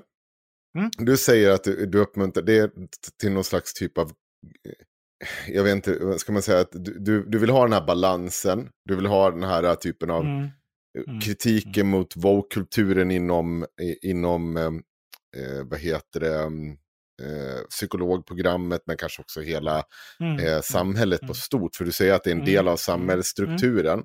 Jag kan läsa, jag läste igenom kritiken mot din, eh, den här eh, externatet, det som till slut slutade med mm. att eh, du inte fick vara kvar. Eh, för att mm. jag ju som sagt, jag lyssnat på sex timmar när du har pladdrat på om den här ensamma lesbiska kvinnan som kom igen, Kom igen Henko, ja, vi, har jag bara Det är väldigt mycket hon. Det är väldigt mycket hon. Det är väldigt mycket hon ja, som du hänvisar till. Men när jag läser, ja, när jag läser utvärderingen, då får jag inte riktigt samma bild. För att jag kan säga så här, jag tog bort, nu inför det här, eh, när vi ska sitta ner nu, så tog jag bort, eh, det, hon är ganska tydlig i sin vad heter det, i utvärdering, för hon benämner sig själv som den här att hon är lesbisk ja, och sånt. Och det är hon ja, du mm, återkommer till också. Jag tog bort alla hennes kommentarer. Och så mm, tittade jag mm. på vad de andra sa. Och jag kan börja med då just det här mm. uppmuntran till självständigt tänkande. Då tog jag ut två kommentarer. Mm. Målformuleringen är obefintlig. Nu må hänvisa till kursbeskrivningen, men vi vet alla om att det är lika kryptiska som Voynich. Och då antar jag att det är Voynichs manuskript som ingen har lyckats knäcka. Uh, ni får väl googla okay, ni som lyssnar. Strukturen okay. på workshopen var det enda genomtänkta antar jag. Momenten efteråt kändes inte alls som genomtänkta, vilket är det jag upplever att det var mest det problematiska. Bemötandet från ledande liknade bemötande vi fick på workshopen, vilket inte skulle vara poängen som jag förstod det. Ni sa det rakt ut till och med. Nästa kommentar säger så här, jag uppfattar inte, inte att målet, syftet och metoden var välformulerad på något sätt som var tydligt för studenterna. Mm. Även om studenterna ansvarar för sitt eget lärande så var känslan av mm. sammanhang otydlig vid kursstart. Det påverkade motivationen att, att ta till sig av eh, kurslitteraturen. Det här är inte mm. personer som sitter och pratar om wokeness. Det är de folk som faktiskt ger dig konstruktiv kritik. Varf... Men eh, har någon av de här svaren att göra med eh, uppmuntran till själv, alltså självständigt tänkande? Jag har ju plockat bort en del, så att säga. Jag ville ta ut om vad som mm. var mest Eh, men, men I mitten. Henko, jag har du, om du vore student ja. nu, alltså det är mm. du inte, det är du inte, men för, alltså för att om du, på verk, om du på riktigt undrar hur jag tänker kring det här eller försöker göra, och jag säger inte att allt jag gör är rätt, men om du på riktigt undrar hur jag gör så ska jag göra det som jag gör med dig. Eh, för att demonstrera och inte bara prata om det. Och då och då tänker jag så här. Eh, jag, jag skulle ställa dig så här. Eh, jag förstår att du funderar på den här frågan. Det verkar ju jättekonstigt. Sen skulle jag vilja ställa en fråga till dig. För uppgiften är ju nu att du ska tänka och fundera över psykologin i system och vad som kan hända inklusive med dig själv. Då ska jag säga så här. Du, det, det är ju intressant att du upplever det som oerhört otydligt och manipulativt. Stämmer det? Mm, ta en gång, ställ frågan igen. Stämmer det? Nej, men du upplever den här uppgiften som otydlig och manipulativ ungefär. Eh, Uppfattar jag det rätt? Nej. Nej. Nej, okej, Ja, säg. det första ge delen, mig ja. rätt. Jag vill förstå. Första delen, ja. ja, otydlig. den första delen var jag. Den andra, ja, otydlig. Och den andra, manipulativ, det tyckte Den- du inte riktigt. Men du upplevde det som Nej, otydlig. inte... Ja, otydlig och eh, efter det jag har läst kring den, ovetenskaplig. Ja, Flummig Aha, okej. till Ja, och men med. jag- ja väl just det. Precis. Då skulle jag säga så här, Ja. vet du vad? Jag fattar att du kan tänka så nu. Och jag menar faktiskt det. Jag fattar det. Mm. Det jag kan säga till dig det är så här. Jag hör nej, vad du säger. Det, det, jag, nej, sa jag det? Nej, ja, men Nej, med andra ord. Med andra ord. Du, du var rädd att jag skulle säga det, fast med andra ord. Okej, ska jag sluta Absolut här? Därför det kanske redan är bestämt. Ja, men det kanske, Nej, nej. det kanske Nej, jag lyssnar, om... jag lyssnar, jag lyssnar. Kör, kör. Ja, men vänta. Jag tycker det är Ja, jätteintressant. men lyssna, lyssna, lyssna. lyssna. Det här är lärandet. va? Det, du kan, vi kan stanna här därför att du säger, jag är rädd, jag tror att du nu kommer att säga bara ett långt försvar som bara bekräftar det jag tänker. Eller så kan du vara öppen och lyssna på vad jag faktiskt säger och sen kan du bedöma om du var trovärdigt eller inte. Vilket väljer du? Nu ger du mig inte så jättemycket, det finns flera alternativ. Jo, jag gav dig, jag gav det, dig det två låter ju val. bättre. It's that time of the year. Your vacation is coming up. You can already hear the beach waves, feel the warm breeze, relax, and think about work. You really, really want it all to work out while you're away. Monday.com gives you and the team that peace of mind. When all work is on one platform and everyone's in sync, things just flow wherever you are. Tap the banner to go to Monday.com. Many of us have those stubborn pounds that seem impossible to lose, no matter how good we eat or how hard we work out. My solution is PlushCare. PlushCare is a leading telehealth provider with doctors who are there for you day and night to partner with you in your weight loss journey. They can prescribe FDA-approved weight loss medications like Wagovi and Zepbound for those who qualify. Plus, they accept most insurance plans. To get started, visit plushcare.com slash weight loss. That's plushcare.com slash weight loss. Tror om jag väljer det val. senare. Vilket val vill... Nej, men välj det du vill välja. Nämligen, nej, nej, ett jag tänker, falskt val om det finns flera alternativ. det finns två alternativ. Antingen kan du lyssna på, Okej. intresserad och höra, aha, jag har en fråga, jag undrar vad Johan vill svara. Eller, ja, nu ska jag höra på boomersvaret som jag sen redan har bestämt mig för är fel. Vilket väljer du? Men då tycker jag vi kan prata om Cissi Wallin istället. Nej, men vi, kan, vi kan väl vänta. Nej, men jag vill faktiskt nej, men, höra. nej, nej, nej, nej, nej. Nej vi jag ska är ju sluta. Jag intresserad, men- men jag du tycker vi måste ska ju- slutföra det. Ja, jag- så här, jag har ju ställt dig en fråga nu. För att jag uppfattar, Ja, eh, du har ändå så fått ganska mycket Ja. utrymme Jo, till att förlåt. berätta din sida. Och nu ställer jag en kritisk Så- fråga utifrån de första delen av ja. eh, kur kursutvärderingen. Som, när jag läste den så fann jag den stå i sån kontrast till det vad du har vandrat runt Ja. och sagt i olika typer av poddar. Precis. Så då börjar Precis. jag Jag ställa fattar, mig jag frågan till, vänta hur mycket har du egentligen inte berättat i de här poddarna? Ja, precis. Och vet du vad? Din fråga är rimlig tycker jag. Och det är faktiskt bra att du håller fast vid den. Det som gör, det jag skulle sä- vilja säga till dig då, det är så här, som är en del av mitt svar. Hur tänker du kring att det här är några röster. Det finns, om du skulle titta på andra röster, alltså det vill säga de allra flesta röster, då skulle du höra någonting helt annat. Och då, den fråga jag har till dig, den är så här, hur förstår du det? Att i en grupp psykologer så kan eh, några tycka att det här är jätteklart, jättetydligt, jätteintressant och andra säger det här är fullständigt idiotiskt. Det är min utgångspunkt. Jag kan svara på det så här, det är väldigt enkelt, för det är flera olika saker som självt. Jag kan börja med att svara på att för det första, nej, det är inte så enkelt som du säger att de flesta tycker att det är jättebra. Du har faktiskt ganska, just på exterinatet så har du varierande Ja, men vi pratar, med men du det ihåg, du men kom ihåg, men kom ihåg. Ja, men, Ja, nu men pratar jag om det- exterinatet. Det, det, är- Ja, fast varför ska du prata om externatet när det inte är det? Jag, jag har inte fått sparken Det är för att det är ganska mycket Jag fick- kritik och det var det som i slutändan fick dig att faktiskt inte behålla jobbet. Ja, okej. Ja, Det var inte enough. kursen. Eh, för- Jo, nej, det var faktiskt kursen. Alltså, det är en sån här grej som har blivit i efterhand, att man pratar om det här externatet. Jag fick ju sparken från kursen. Jag har ju lett en hel kurs. Och det var, du frågade Mm. tidigare, var det något problem med det här externatet? Då sa jag nej, för det var ungefär som tidigare. Det som hände det här året var att senare så var det några studenter som hade svårt att fatta vad det skulle vara. Och då gick de till studierektorn. Och studierektorn var ny.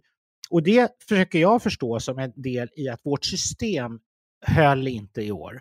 Och då föll det ut. Och då drog man fel slutsats. Istället för att dra slutsatsen, vet du vad, vi måste jobba mycket mer med systemet och också se att alla studenter förstår så mycket, de bara, så mycket det bara går och allt sånt där. Det är det vi ska jobba med. Istället valde man att sparka ut mig. Och då är alltid frågan som institutionsmänniska, varför då? Varför väljer man att sparka ut mig? En populär lärare? Jag misstänker att det en måste del i finnas det... någon... Men kan det inte varit du som var systemfelet? Varför skulle jag vara systemfelet om, om det jag lär ut är värdefullt? Och, och Ja, om det är värdefullt, varför är jag då ett problem? Men om det var värdefullt så hade de väl inte kommit fram till att det var du som behövde tas bort ur den här ekvationen, eller? Det, det är det din slutsats, men min slutsats är en annan. Nämligen det att system är ibland självdestruktiva och gör dumma grejer. Och i mitt fall var det ganska uppenbart. Va? Därför att så här, det här är en populär kurs, det är en Men- bra men, kurs. Men vilken är den mest troliga förklaringen? Eh, Det är ju den jag säger, hävdar jag. Är det, om, om, du, För, men kan du... om du får sparken, är det inte den troligaste förklaringen till att det händer att det är någonting du har gjort som uppfattats på något fel sätt eller någonting du har gjort Nej, som nej. på något vis är Nej. fel i det här det- det- det- systemet? Snarare än att hela systemet är fel. Till din men- nackdel. är det den Nej, rimligaste jag skulle förklaringen? inte säga att hela systemet är fel till min nackdel. Det var din formulering. Vad jag skulle säga är, Ja, att- Men det finns bara de två alternativen. i vems värld då? Ja, i, I den värld där vi diskuterar här, Vi är bara diskuterar, jag lever, jag, jag lever i en helt annan värld. Det, I min värld är det mycket mer komplicerat. Okej, men det var den frågan Ja. jag ställde dig och där har du de två alternativen. Ja, men då- eh, okej. Eller, Och eller vem vill du är- ha ett tredje alternativ? Varsågod, Ja, ta du ett tredje alternativ. Det bjuder jag Axel, du gärna är väl en sån som skulle säga att världen är komplex, eller? Absolut. Ja, fast nu var den inte det, för Jo. nu var den väldigt tydlig. Antingen så var jag, Nej, antingen den var jag, en, antingen var jag en haverist eller så, så var jag liksom någon slags... så här- Så här tycker jag, mitt svar på din fråga, det här är svårt Axel, koncentrera Mm. dig. Eh, Ja, absolut, det ska jag göra. Mitt svar på din fråga, den är så här. Mm. Det som hände går att förstå i systemiska termer om vi vill, inte bara i personliga termer. Problemet Johan är att hela den Nej, där inte om utvärderingen säger att de inte... Utan det handlade om andra saker. Ut, utvärderingen i olika grader, förutom jag kan identifiera en eller två personer på det här externatet som säger att, vet du vad, det här vart katastrof, säger de. I olika termer, i olika bra konstruktiv, konstruktiv, konstruktiv kritik lägger de fram det också. Jag ser en person som är väldigt, eh, jag vet inte hur jag ska säga, utsvävande, flamboyant, pratar om att nej men det- får det att låta som den här personen låg i någon typ av fosterställning. Och snälla, eh, ta det och lugna ner det lite, så illa kan det väl inte ha varit. Eller så var det det. Men jag kan också samtidigt se att det finns en massa kurskamrater som sitter och säger att ja, även om inte jag ser att det fanns den typen av diskriminering som någon eller några har påstått, så ser jag att folk har särbehandlats på ett sätt som folk åtminstone kan få folk att uppfatta det som det. Alltså de, till och med de som försöker vara ja, men, ge dig positiv feedback säger också att det här blev Mm. inte så jävla bra. Ändå så sitter du med en dåres envishet och säger att det det här blev- systemet, det, det, det, det är det som är fel. Det är de här ungdomarna, eller ungdomar, de här studenterna fel på. Och du gör det... Varför säger du, att jag säger, varför säger du det? Va, varför säger du att jag säger det? Det säger jag ju inte. Fast det, sa, det var ju det Försvarar du började du? säga när vi pratade om det här, att det var 40 personer Nej, som är nej, tillräckligt nej, intelligenta för att komma in på psykologprogrammet, men som väljer att inte förstå den här uppgiften. Då är det väl deras fel. Ja, och, ja, vänta, nej, vänta, lyssna. Därför att det jag undervisar om är att bland annat att se hur starka gruppkrafterna är och de kan påverka hur vi upplever saker och ting. Det är det jag vill undervisa om. Och, och, och för, att, för att för ändå då försvara min tes, för ni säger ju haha, du är antingen en boomer eller du är det andra. Och där märker ni ju själva att ni kör in en återvändsgränd. Därför att jag tänker inte att saker är enkelt. Jag är en professionell person. Så Så vi kan ta en tredje position och säga så här, Mm. okej, vad är det jag försöker säga? Inte att det är bara fel på systemet eller så här, utan jag försöker säga, vi är en del i ett system som handlar om hur vi utbildar psykologer och man kan se det som hände mig som ett uttryck för någonting som händer i systemet. Det är inte personligt. Och för att be, ändå försvara min tes så ska jag säga så här, är det möjligt enligt er, nu ställer jag frågan till er, är det möjligt då på omvänt sätt att allra flesta säger så här, nej men det här är jättebra. Det enda problemet vi har är att, att vi har svårt att säga vad vi tycker och det här är bra och schysst. Alltså Johan, vi som ledde den här kursen, vi var ju flera. Att man säger så här, nej men de är schyssta, de är duktiga, de försöker göra sitt bästa. Eh, det säger all, nästan alla. Men några säger nej, de är dumma, de är rasister, de är så här. Hur förklarar ni det? Att det kan vara så splittrat? Och min Eh, poäng det är, det faktum att det är så splittrat är intressant för en psykolog. Ja, det är väl, ja, men det är väl kan självklart för vem människor som som har varit på samma ställe tycka så olika? Så, precis. För, jo, men det är för att det här externatet är ju två dagar långt om jag har förstått det rätt.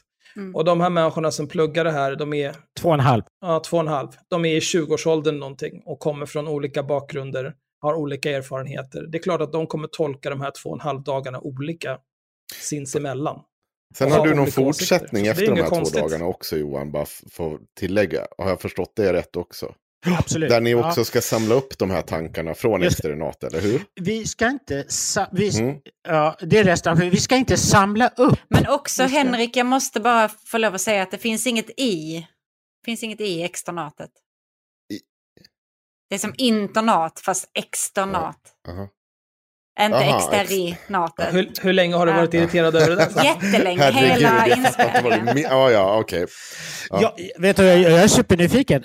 Eh, Sa- Sanna, vad tänker du? Jag, menar, jag tycker det här är intressant. Och, och jag, menar, nu har, Jag, har jag suttit tänkt faktiskt och funderat en liten stund att jag över att argumentera på. Nej men för du sa, du sa innan du hoppade på Henko lite grann att han inte ville svara på din fråga för att han hade någon förutfattad mening om, hopp, eller en farhåga om hur Utmanade du skulle honom. svara. hoppas. Men ändå så sitter du hela tiden och säger att vi kallar dig boomer eller tillskriver dig det när ingen av oss har gett uttryck för det. Och jag känner att det är lite eh, hypocritical kanske. Eh, Fair enough. Det var en farhåga jag hade. Ja. Och den farhågan var sprung... Vänta, vänta, vänta. Den farhågan var sprungen, och det behöver ju inte betyda att den är rätt, för jag hade också en öppenhet för att ni inte var då.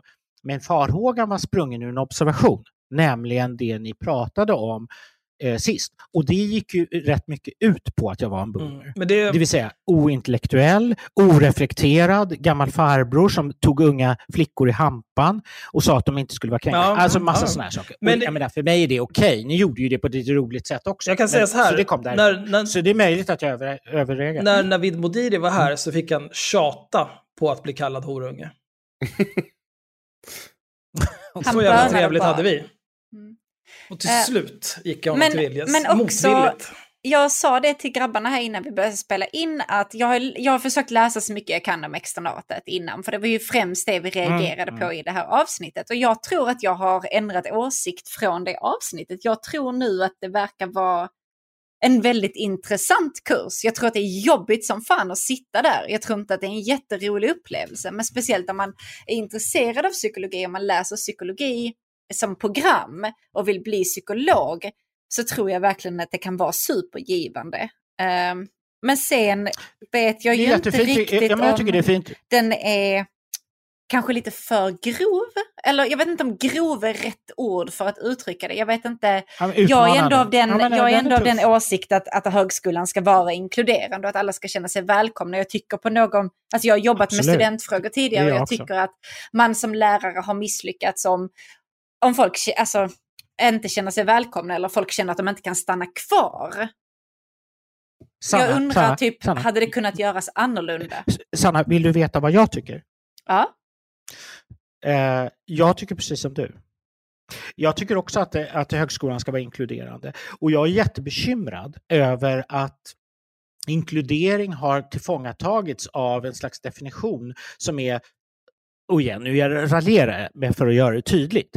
Alltså, det är det, har liksom, det sitter en massa Julia, överläkardöttrar från Lund och definierar vad som är inkluderande. Medan de två som är på psykologlinjen som kommer från Rosengård känner sig fullständigt exkluderade. De har inte en enda plats där, därför de pratar inte som lundensare, de är så här, men de tillför jättemycket.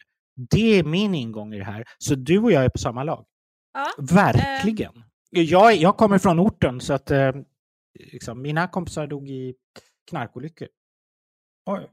Fick de mycket knark över sig? Alltså jag har läst vid ett, vid ett mindre lärosäte än Lund och jag kan ju säga att det finns fördomar eh, eh, kring de större, mer etablerade lärosätena som Lund eller Chalmers. Eller, det, är, det är många mindre lärosäten som ser ner på dem. Vad är fördomen?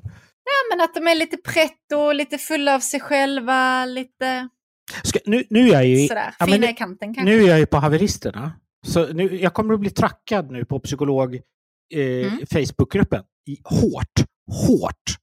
Därför jag kommer säga att du har Asså? rätt. Du har, Mm. Ja, ja. Du har rätt, kommer jag säga.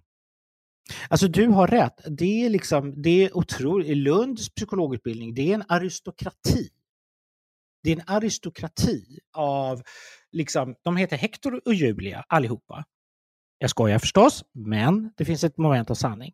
Och de bestämmer sig för vad det innebär att vara empatisk. Och en sak som du inte är om du är empatisk, du är inte som jag. Du avbryter inte folk, du svär inte, du är, liksom, du är på ett visst sätt. Och då spelar det liksom ingen roll om du är som jag, jag är bildad, jag är, arbetar väldigt hårt.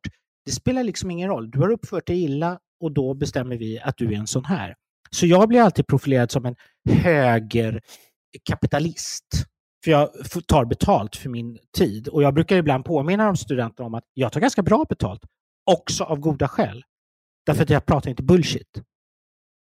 Och det, det här kan låta väldigt självförhärligande. Nej, alltså jag har många gamla, jag växte upp i, i, i Vellinge. Oh!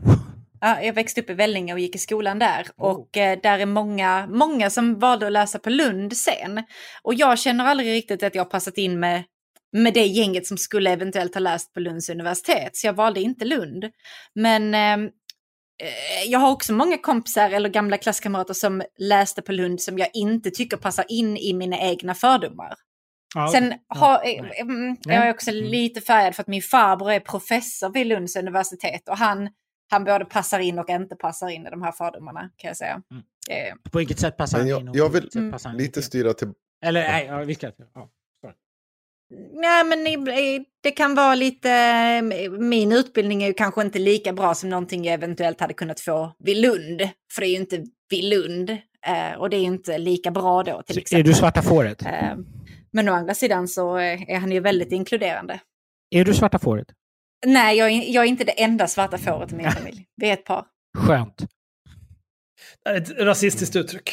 Jag tar avstånd. Ja, jag tar också avstånd från vad jag just sa. på exter, eh, eh, ex, vad sa du, externatet. Externatet. Ja. Som internat fast ex. Externat. Mm. Bra Eh, jobbat. för Duktig du är. eh, än en gång, jag, jag, som jag sa, jag uppfattar det här som till viss del, eh, eller så jag frågade så här, är er, går, går, det en, går det här någonstans ut på, eh, för er som ledare för det här, eh, den här liven? Mm. Går det ut för Ja, det är en att live. Ja, det är en live. Det är bra att du. Går det ut på att provocera de studenterna som är där? Ja, är, för, är det en öppen fråga eller är den, är den ledande? Nej, ja, det är Båda- en öppen båda är okej. i så fall. Det, för det, Bra, bra. Ja. Ja. Ja, men båda Ja. vore okej, men du skulle Ja. få lite olika svar. Jo, eh, svaret är ja. Eh, Det, det är absolut. Vi är oerhört disciplinerade. Vi försöker eh, jättehårt. Och, vill jag säga, eh, vi lyckas nästan aldrig därför vi, vi liksom kommer in. Och det finns en frestelse i, en utmaning i den roll som jag tar under externatet, det är att vara oerhört fokuserad på uppgiften. Bara, bara, bara, bara, bara, bara. Och skiter vad folk känner. Bara hålla sig till uppgiften hela tiden. Därför att veta att ja, men i förlängningen så blir det intressant och bra. Och där finns det ju en att frestelse vara också att spela lite tuff. Ja, jo, men det finns en frestelse Ja. att spela tuff, inte svar. För du vet, det är så här. På en sån här konferens så sitter folk och så säger de så här, så säger någon, förlåt, någon säger, jag förstår Mm. inte uppgiften, den är oklart definierad. Den står i konferensbroschyren, vet jag som ledare, så den är inte otydlig. den här personen upplever det just nu otydligt. Och min uppgift är att förstå hur kommer det sig? Det är så, det är så disciplinerat det är. Eh, och, men det finns alltid en frestelse i att spela lite tuff och säga någonting i stil med mm, det är mycket intressant, i det här systemet kan man inte läsa. Alltså det är så man eh, kan Mm. arbeta. Och så gör man ibland i det här. Men, Men- man gör det inte för att trycka till den som sa det, utan man gör det för att fråga sig, hur kommer det sig att vi just nu har svårt att tycka att den här, att några, och framförallt de som låter, tycker att uppgiften är svår att förstå. Medan till exempel alla de som tycker om uppgiften är tysta. Det är det som händer på Konstfack. Men det känns lite grann som att eh, din uppgift som lärare och ledare inte borde vara att förstå varför de inte förstår uppgiften, utan att se till att de förstår uppgiften. Jag, jag försöker verkligen, ja, precis. Och jag försöker balansera mellan de två sakerna. Och, och det jag gör är att det jag vill, och där lyckas jag inte alltid, och det kan man ju säga, alltså, och det är oerhört svårt. Jag försöker få dem i den här externatet, det är därför vi har det kvar, för där kan de få en sån upplevelse av att till exempel fly från uppgiften. Och sen så försöker jag göra allt jag kan i efterhand för att få ner det till en insikt eh, som också är teoretiskt förankrad och sådär, där de fattar, ah, jävla skit. Jag eh, tappade min uppgift där och där av de här, de här skälen. Jag hade en student till exempel som sa så här, efter de här två dagarna, han hamnade i en väldigt speciell roll. Han protesterade och han protesterade och han protesterade. Han la sig till och med på golvet till slut. För han var så upprörd över hur otydligt allting var. Och han ledde en attack mot oss som ledare. Och det är en av de saker vi vill lyfta upp. Som psykologer ska ni förstå vad som händer under ytan i förhållande till ledare. En sak är att attackera dem. Det är inte den enda, men det är en sak. Okej, dagen efter när vi träffas efter externatet, då är vi väldigt tydliga och säger så här, okej, nu är det slut. Jag går ur min roll som konferensledare, jag kommer att bete mig som vanligt folk, jag kommer att svara på frågor och så. Då händer det olika saker och då säger den här killen till slut, som slutpunkt, och för mig är det här en av höjdpunkterna, det är en av syftena. Då säger han så här, helvete, säger han. Jag förstår en sak nu. Det är att jag gick in i den här konferensen med en väldigt stark känsla, jag ska inte ta ansvar för alltihopa. Det gör jag alltid. Det har jag gjort i hela mitt jävla liv. Och så sa han så här känslosam, liksom. det är en grej jag tänker på. Och så inser jag nu att jag var fången i den rollen. Jag var fast i, jag skulle protestera mot allting. Jag var helt, så jag var inte ens närvarande. Jag var inte ens på de där jävla dagarna. Jag var helt fast i och jag utnyttjade, jag kom in i en roll i det här systemet. Och på ett sätt så tittade han ju på alla andra och sa, era jävlar. Fast samtidigt riktade han blicken mot sig själv. Och det var en höjdpunkt Johan? för mig. För det är den typen av lärande. Förlåt Jag- att jag blev lång. Förstår Jag ni vad jag, jag- menar? Ja, men jag tror att jag Mm. påtalade det här. Ja, men jag tror att jag påtalade det redan i första avsnittet 110. Att jag sa att det här kanske är en del av att man ska bli provocerad eller att man ska vara på det här sättet. Oh, ja. Mm. Då måste, men jag måste fortfarande återknyta till utvärdering. För det här, då antar jag att man avslutar den här grejen eh, och sen pratar Mm. man om det. Och be, man pratar om Just vad liksom syftet Ja. är och så vidare. Tänker jag Ja, läsa två utvärderingar här. Och det, den första är på frågan, hur värderar du arbetskonferensen? Har, eh, har den bidragit till ditt lärande och utveckling som psykolog? Och då svarar en person så här. Än en gång så har jag tagit ut mitten referenserna här. Jag har inte tagit ut de värsta, för det står mycket Nej, värre. men och du det finns bara- du har ju- någon du läste person ju det som här säger- året. Vänta, Ja, Ja, men stopp. Ja, Ja, det, är- nu, Mm. Ja, det finns också Mm. en som säger att det var väldigt bra. Det ska tilläggas. Men det här är en av mittenreferenserna. Jag har fortfarande ärligt talat inte riktigt förstått vad vi gjorde de här dagarna. Vad var meningen med att ledningen plötsligt reste sig och gick? Att stolarna stod oorganiserade som de gjorde. Att ledarna det första arbetspasset kritiserade oss för att komma sent när dörren in till rummet precis hade stängt när vi var på väg in. Att konsulterna pratade om kastrering och en tupp bland hönsen. Eller att konsulterna stirrade marken utan att prata tillbaka efter att de kommenterade gruppprocessen. Var, var det meningen att de skulle visa roller? Hur förbereder man en sån här konferens? Och Finns det en poäng med att ledningen inte svarar på dessa frågor? Jag kan ärligt talat inte säga att jag vet mer om Tavistock-metoden än jag gjorde förut. Jag skulle inte eh, kunna förklara syfte och metod för någon utomstående. Jag gav upp på att få svar, men jag undrar fortfarande om mitt lärande hade gått lättare och smidigare om jag hade fått dem. Och jag tror faktiskt det. Men innan, det finns en till sak här som jag vill ta upp här då. Och det här är på, anser du att kursens deltagare har behandlats på lika villkor oavsett dennes grupptillhörighet i de diskrimineringsgrunder som regleras i lag? Det vill säga kön, könsöverskridande identitet, etnisk eh, tillhörighet, religion eller annat. Och då är det någon som svarar så här. Eh, Ja, med förbehåll att bemötande gentemot det som upplevde någon form av kränkning var tafatt och olämpligt. Istället för att ta till sig och be om ursäkt som vem som helst hade gjort så eh, gjordes det till ett läromoment som försvårade hela situationen. Och det här, jag upplever att lärarens disciplinering av studenter till att använda upplevelsekuben på ett rätt eh, sätt var inkonsekvent. Och, därav, eh, och där större krav och påstridighet riktades mot kvinnor och kvinnor med homosexuell läggning. Det här är än en gång det är ganska sta stark kritik. Och hur kommer det sig att de här eleverna har gått här och inte fortfarande förstår vad de håller på med. Är det här, du sa inledningsvis, det här något typ 25-årigt lärande kunde det vara. Men det låter väl, inte det jävligt hippieaktigt? Ja, hej och välkommen. Som ni förstår så blev det lite hack i skivan där och eh, Johans eh, resterande 40 minuter eh, försvann. Tyvärr, tyvärr, tyvärr. Det fanns en del oförglömliga citat och meningsutbyten där som ni aldrig kommer få lyssna till. Men eh, som vi gör när vi gör på haveristerna så vill vi gärna inte klippa någonting i onödan. Eh, och eftersom Johans resonemang klippte mitt i eh, när jag ställde en fråga så tyckte vi att det vore oschysst att inte låta Johan åtminstone få sista ordet och säga någonting om eh, den kritik jag just läste upp. Så att eh, med mig på telefon nu för att säkerställa att det inga problem eh, uppstår är Johan Grant igen. Hej Johan! Eh, som, du, som, du, hörde var det sista jag läste upp då, eh, ja, det var svidande kritik som framkom i eh, de här utvärderingen som gjorde efter externatet. Säger jag det rätt nu eller vart det fel igen? Jag kommer ihåg att det var också en grej. Eh, men du, du fick ganska tung kritik. Ja, vad ska man säga, vad ska man säga om det där? Alltså, det är ju upplevelser och vi var inne i en väldigt stark gruppprocess, vilket är ju själva syftet med den här kursen, just att man är inne i en, eh, en stark gruppprocess. Och en av de saker som man ska undersöka, eh, det är liksom en av syftena, det är då också hur man liksom skapar sig bilder av eh, andra människor och framför allt ledare. Och där man brukar prata i psykologin om att man projicerar, man läser in olika saker.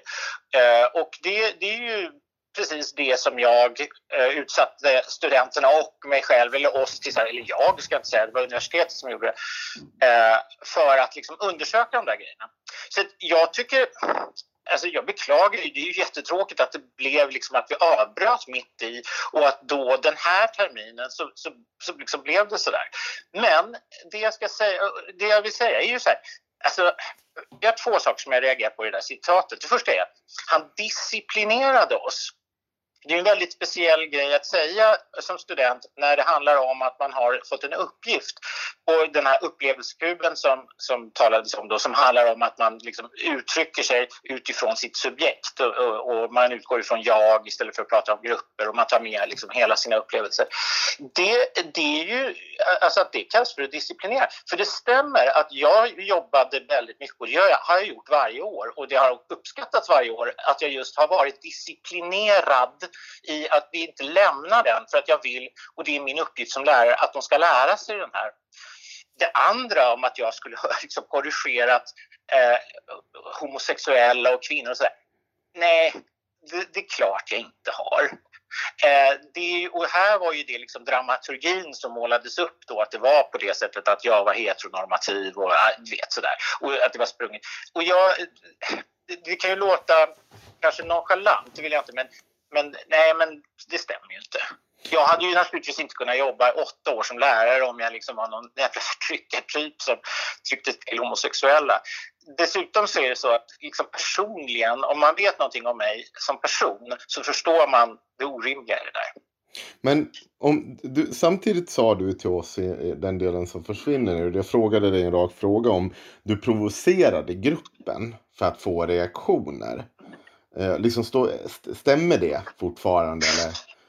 Mm, nej, alltså jag, jag, skulle, jag tycker inte ordet Alltså att jag provocerar. Alltså samtidigt så, det, jag menar, det är en interaktion och då använder man alla möjliga eh, saker. Man instruerar, eh, förklarar, undersöker, eh, använder humor ibland och, och någon gång liksom den typen, för det är väldigt, alltså om man förstår kulturen på psykologiskt sätt, då anses det väldigt eh, märkligt till exempel att en lärare säger nej men vet du vad, nu, att man avbryter en student till exempel när den pratar och så säger så här, nej men vet du vad, nu, nu använder du inte den här tekniken som vi är här för att lära oss. Så kan, kan jag hjälpa dig och så, så att du använder den så ska du se vad det du säger, hur det kommer att bli då. För det blir liksom annorlunda.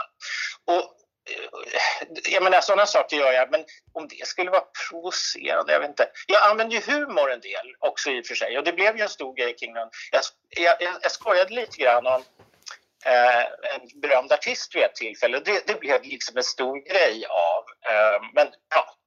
Men blir Så- så- inte det, får jag fråga en sak? När, när du är inne och petar, som jag har förstått det och som vi, kom, det, det ändå så, vi har pratat om i Ja. det som är med. Så här, handlar det här om att de ska utforska hur de fungerar på gruppbasis i liksom eh, i en Ja. organisation. Om du Ja. är inne och petar i det här hela tiden. Hur mycket påverkar du gruppen på ett sätt så som den kanske inte skulle ta agerat om inte du var där och petade i det där? Förstår du? Det blir, för Ja, mig jag låter det som att du li, lite blir forskaren som petar i Petri-disken och helt kontaminerar Okej. liksom... Okej. Ja. Vad, är det som, vad, vad är det som sägs som får dig att tro det?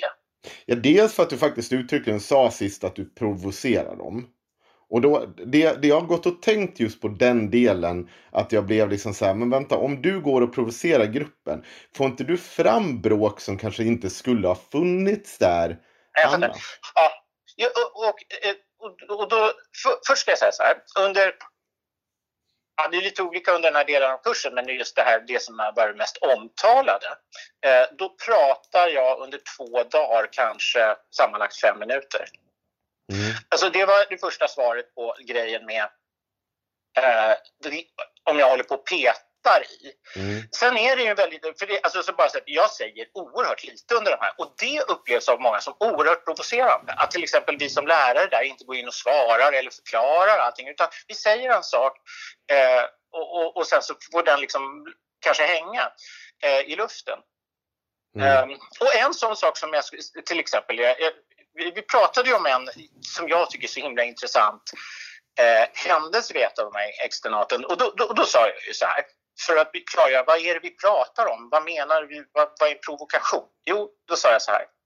En, temat var nämligen mångfald och då påpekade jag att efter någon dag in så sa jag så här en sak som inte utforskas här det är vad det innebär för er att bli ledd av en färgad, eh, tror jag jag sa, eller svart kanske jag sa till och med, man. Det kan väcka fantasier och tankar. Mm. Det här, det, det, den typen av provokationer, det, det, och, och, det är inte för att reta upp utan det är ju för att jag som psykolog vet att det finns alltid föreställningar om ledaren. Och om man kan någonting om liksom, sociologi och så, så vet man också att hudfärg spelar en viss roll här på någon djupare nivå, djupare lag. Vi har fördomar och föreställningar, önskningar och farhågor kring sådana saker. Och det menar ju, det är de som är kritiska mot mig säger, nej men så ska man inte säga. Och jag säger, herregud, det är klart att vi ska göra det. Vi ska ju lära oss psykologi. Och då måste vi lära oss våga också undersöka till exempel fördomar i den egna gruppen. Mm. Ja. Så, nu kanske jag, jag, jag är lite osäker på om jag svarade på din fråga. Hjälp mig på spåret där, för jag kanske... Nej, men nej, jag, jag vet inte heller. Jag vet inte om det finns något rakt och enkelt svar. Jag, bara, jag tycker ändå så det, det blir lite konstigt när man själv är inne. Om man ska undersöka någonting lite objektivt, då blir det ju...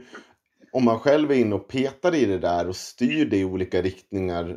Då är det klart Ja, men, nej, ja. ja, ja, ja, men jag, jo, jag fattar. Och jag förstår att du kan ha en fråga. Samtidigt, om jag ska vara lite sådär så- som jag kanske kan vara då. Eh, det är så här, för vad du egentligen pratar nu om, det är ju liksom ska vi säga det, pedagog, alltså bästa sättet att lära sig psykologi. Mm.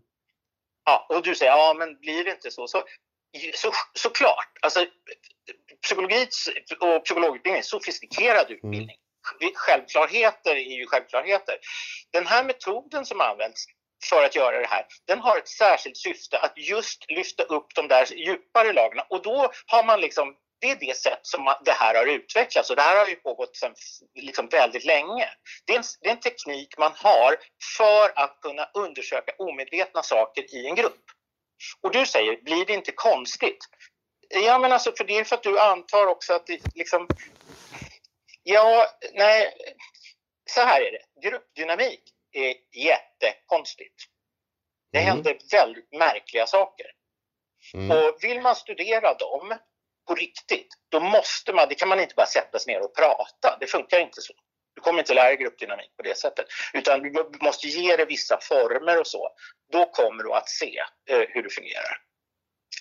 Mm. Så det är mitt svar på det. Så li- lite så här, Mm. ah, okej, och du kanske har en teori om hur man ska studera gruppdynamik här. Det finns andra teorier och metoder, lita på dem. För Mm. det är de som ändå har gjort att det här momentet har funnits här eh, under alla år. Det är också så att Tavistock Institute som har det här, det är liksom ett av världens ledande institut inom forskning inom organisation. Sen är det, det, är en speciell teori man jobbar efter där som inte alla köper eller tilltalas av, så är det. Men, men det är liksom en prövad metod. Det, är inget som, det har liksom målats ut som om, om man bara läser så enstaka kritik så kan det låta som något helt annat än vad det är. Va?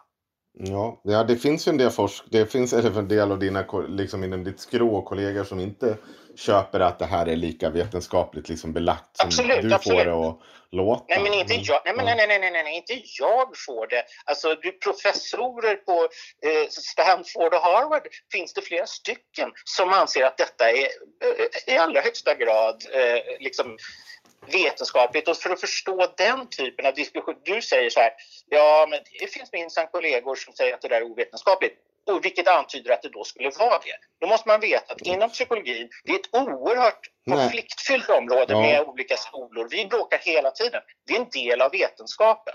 Ja, men jag säger, jag, säger, jag säger inte att det, jag säger bara att det finns en annan bild av det. det jag skulle Jo, säga att det är jag nej, som... nej, nej, nej, nej, du gör det igen. Jag sa också, jag har nämligen aldrig sagt att det här är det bästa och det enda. Det har jag aldrig sagt. Ja, är men det sa jag inte heller. Jag säger bara att du, när du lyfter fram det så lyfter du fram det som att det här är stark forskningsförankrat. Och det, är, det säger jag för att jag har lyssnat på dig i sex timmar podd tidigare. Att i de andra poddarna så är det, du återkommer till att det finns en stark förankring kring det här. Ja, Du det. nämner Ja. inte någonstans att det också finns en ganska stark kritik mot det. Ja, men det är finns ju- nyanser men, i men, det. men herregud, herregud. Nu igen antyder du att jag skulle vara ensidig. Ju, förstår du inte? Ju därför jag har ju fått den kritiken riktad mot mig. Och, då, Mm. och jag vill bara, jag behöver ju i den positionen liksom resa ett försvar. Det är ju därför jag gör det. Inte för att jag eh, är någon slags, eh, har någon några aktier i den här teorin. Jag som konsult är ovanligt bred kan jag säga, alltså med de teoretiska referensramar jag använder. Mm. Så, så, liksom, så jag använder både det som man då skulle kunna kalla för lite mer evidensbaserat, vilket för övrigt inom organisationsteorin knappt finns. Va? Det är liksom, så det är också så där, det, bygger, det är oerhört mycket missförstånd och väldigt vulgärt, eh, många diskussioner runt det här. Okay.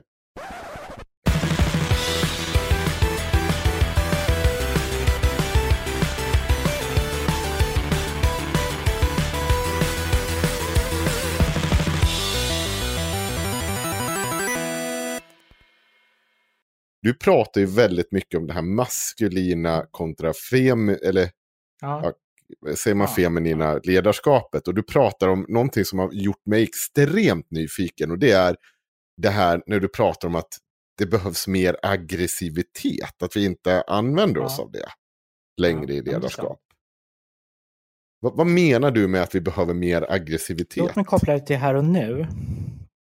Det här samtalet vi har haft, Mm. det har ju krävt mycket aggressivitet av mig. Och jag har fått kämpa med att inte låta, och jag kanske har misslyckats eh, några gånger, att inte låta den ta över.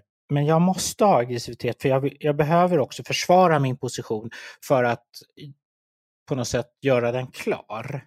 Alltså så att det inte blir en missuppfattning.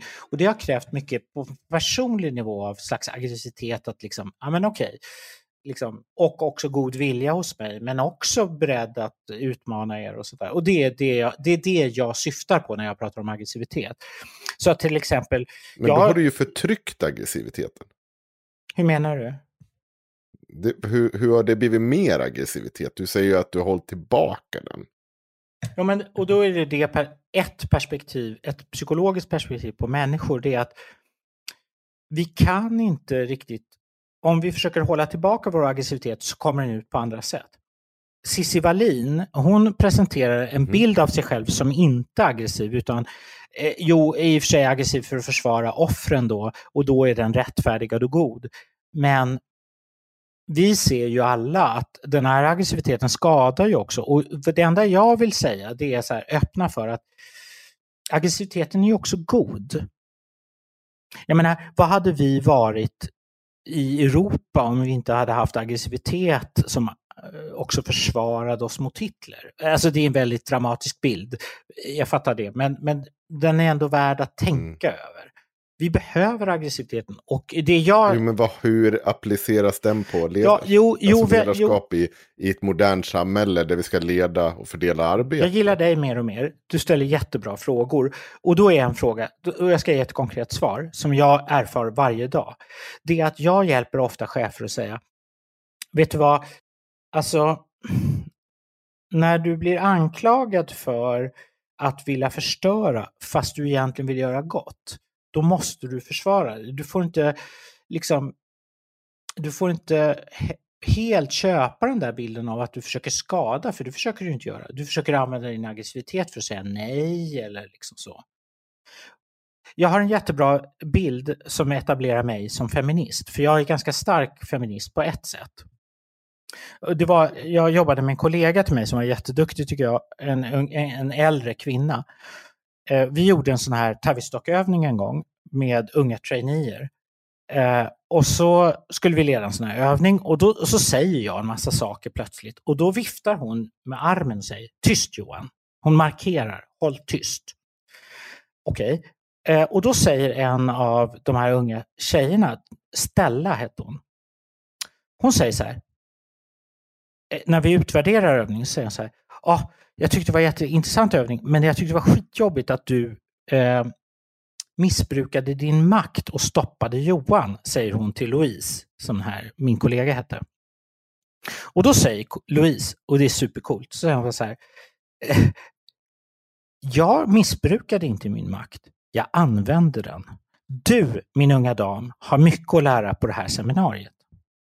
Och så körde vi seminariet och två dagar senare när det var utvärdering, då sa den här ställa, sa hon så här, utvärdering, så sa hon bara wow. Och vad hon hade lärt sig det var en kvinnlig eh, aggressiv position som stoppade mig. Eh, och hon rättfärdigade också sin position. Hon sa så här, ja, jag förtrycker inte Johan. Jag bara disciplinerar honom när han inte gjorde rätt. Och jag tycker i det sammanhanget verkligen att hon, hon hade rätt. Och, ibland, och då ligger det i ledarrollen att ibland behöver du göra sådana saker och ibland kommer du kanske ha fel. Men det betyder inte att du till exempel inte ska stoppa någon. Och det, vänta, förlåt nu vet jag att jag blir lång, men jag måste slutföra den här. För det jag ser i arbetslivet idag, det är att istället för att chefer säger så här, ja men hörru vet du Kalle, jag tror inte att du är kanske så utsatt som du säger. Jag, jag, jag känner mig tveksam till det. Jag skulle vilja prata om det här, mer om din attityd. Många chefer gör inte det idag. Därför att de har fått förknippat med att säga till exempel, jag ifrågasätter din upplevelse på ett visst sätt, är förknippat med att jag förtrycker dig. Och det är inte vad det är. Och vi kan inte leva i en värld där vi har chefer som inte säger de här sakerna. Men det är det vi, vi upplever, många upplever idag. Och då blir det jätteknäppt till slut. För cheferna tar inte sitt ansvar. De blir bara upptagna med att inte bli anklagade för att vara dumma. Sveriges Radio är ett jättebra exempel. De anklagas för att vara superrasister. När de egentligen Nej, anstränger alltså, sig stopp, stopp jättemycket. Nu, Axel, du skulle säga någonting. Axel, du skulle säga någonting på just för första. Nej, alltså jag tänker den där typen av ledarskap är ju helt jävla bedrövligt. Eh, om, om en chef skulle säga till mig, tyst Axel, då, då skulle vi ha ett problem. Ja, men tyst. Ja, men säga så här, "Vä- vänta Axel. Is- Ja, ja, visst, det går Ja, utmärkt. eller hur? Men tyst. Och Nej, sen då nej, pratar om det som att disciplinera någon. Hundar disciplinerar man. För, Inte och jag folk får som man har tillägga också att jag tycker personalansvar inte... till. Det här är inte Oh, man måste- man måste- man det är Det måste- här, det är, är- det här är ju bara att inte kunna föra sig i ett möblerat rum. Ja, det- aggressivitet det, det kopplar jag ihop med att ja, om jag hade sagt då, du håll käften, nu håller du tyst. Det är att ag- vara aggressiv mot en person. Men att säga så här, tyst, det är bara ohövligt. drygt. Det, det är bara drygt och, och på något sätt så här det- ohövligt. jag håller med. Så här, jag blir ju inte så här, oj nu jävla blir det slaggis, nu åker du på en. Utan det är ju liksom så här, aggressivitet är ju någonting jag kopplar ihop med att du trappar upp. Så jag förstår inte, när du pratar om aggressivitet så är det jättesvårt att förstå vad du menar att vi ska applicera den någonstans. I, Jag- vi- var i ledarskapet ska den appliceras? Jag- Och hur? Jättebra. Bra fråga igen.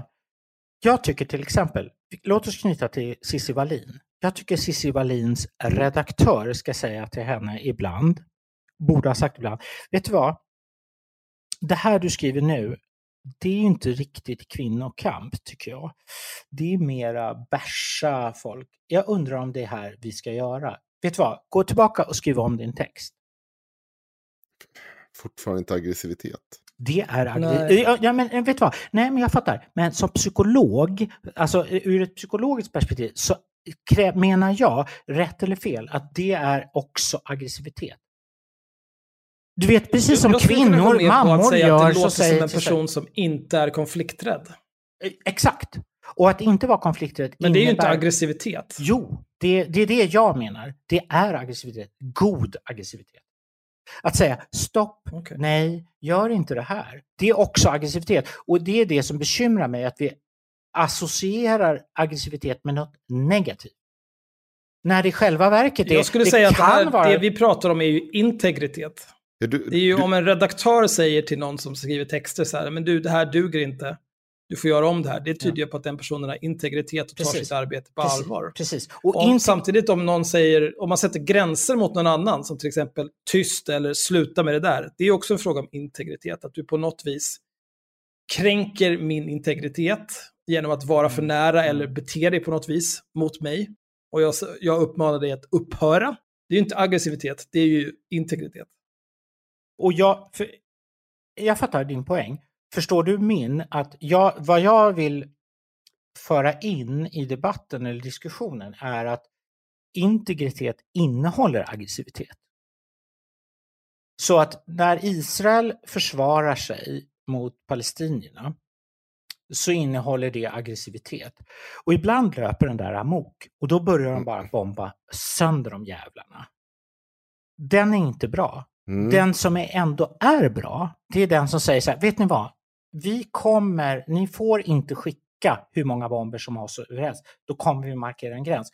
Och när jag pratar om amazonfeminism, det finns ju en väldigt fin, tycker jag, tänkare eh, som heter Camille Paglia.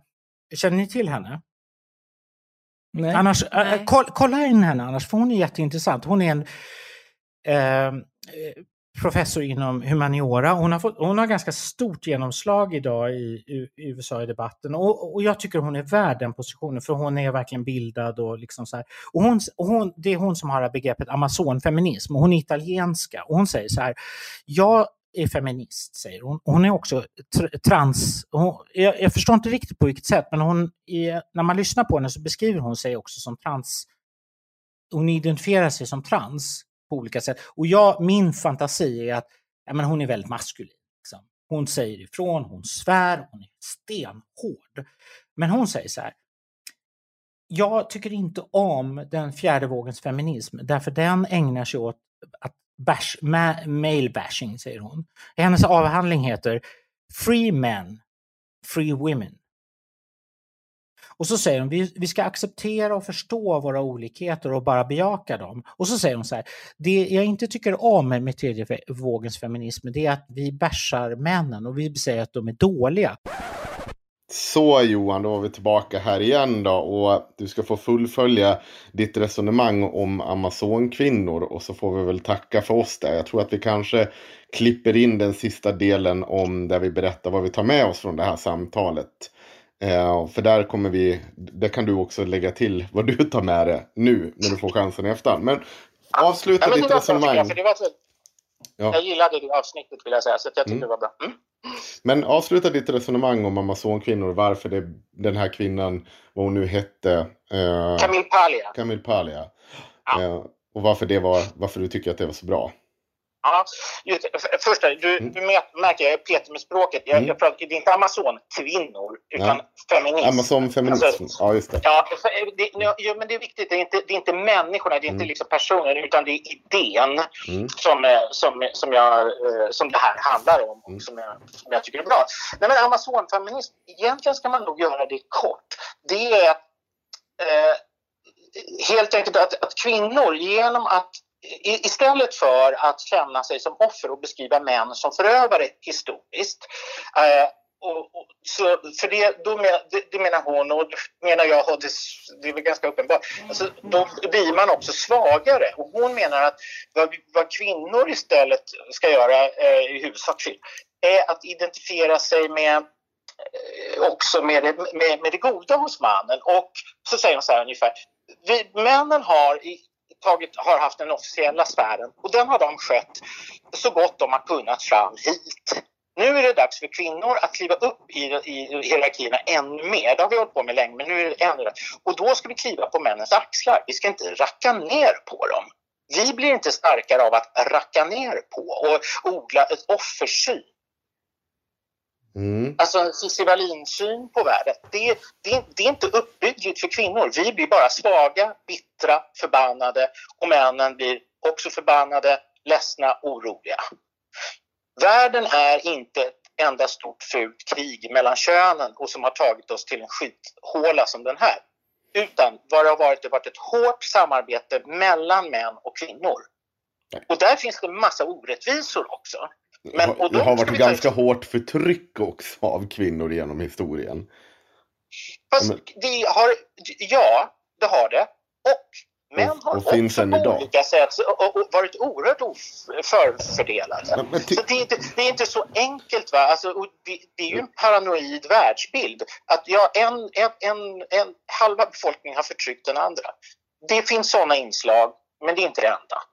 Nej, det är klart att det inte är den enda, men det har ju varit en ganska stark manskultur genom hela historien där kvinnor hela tiden har fått stå tillbaka.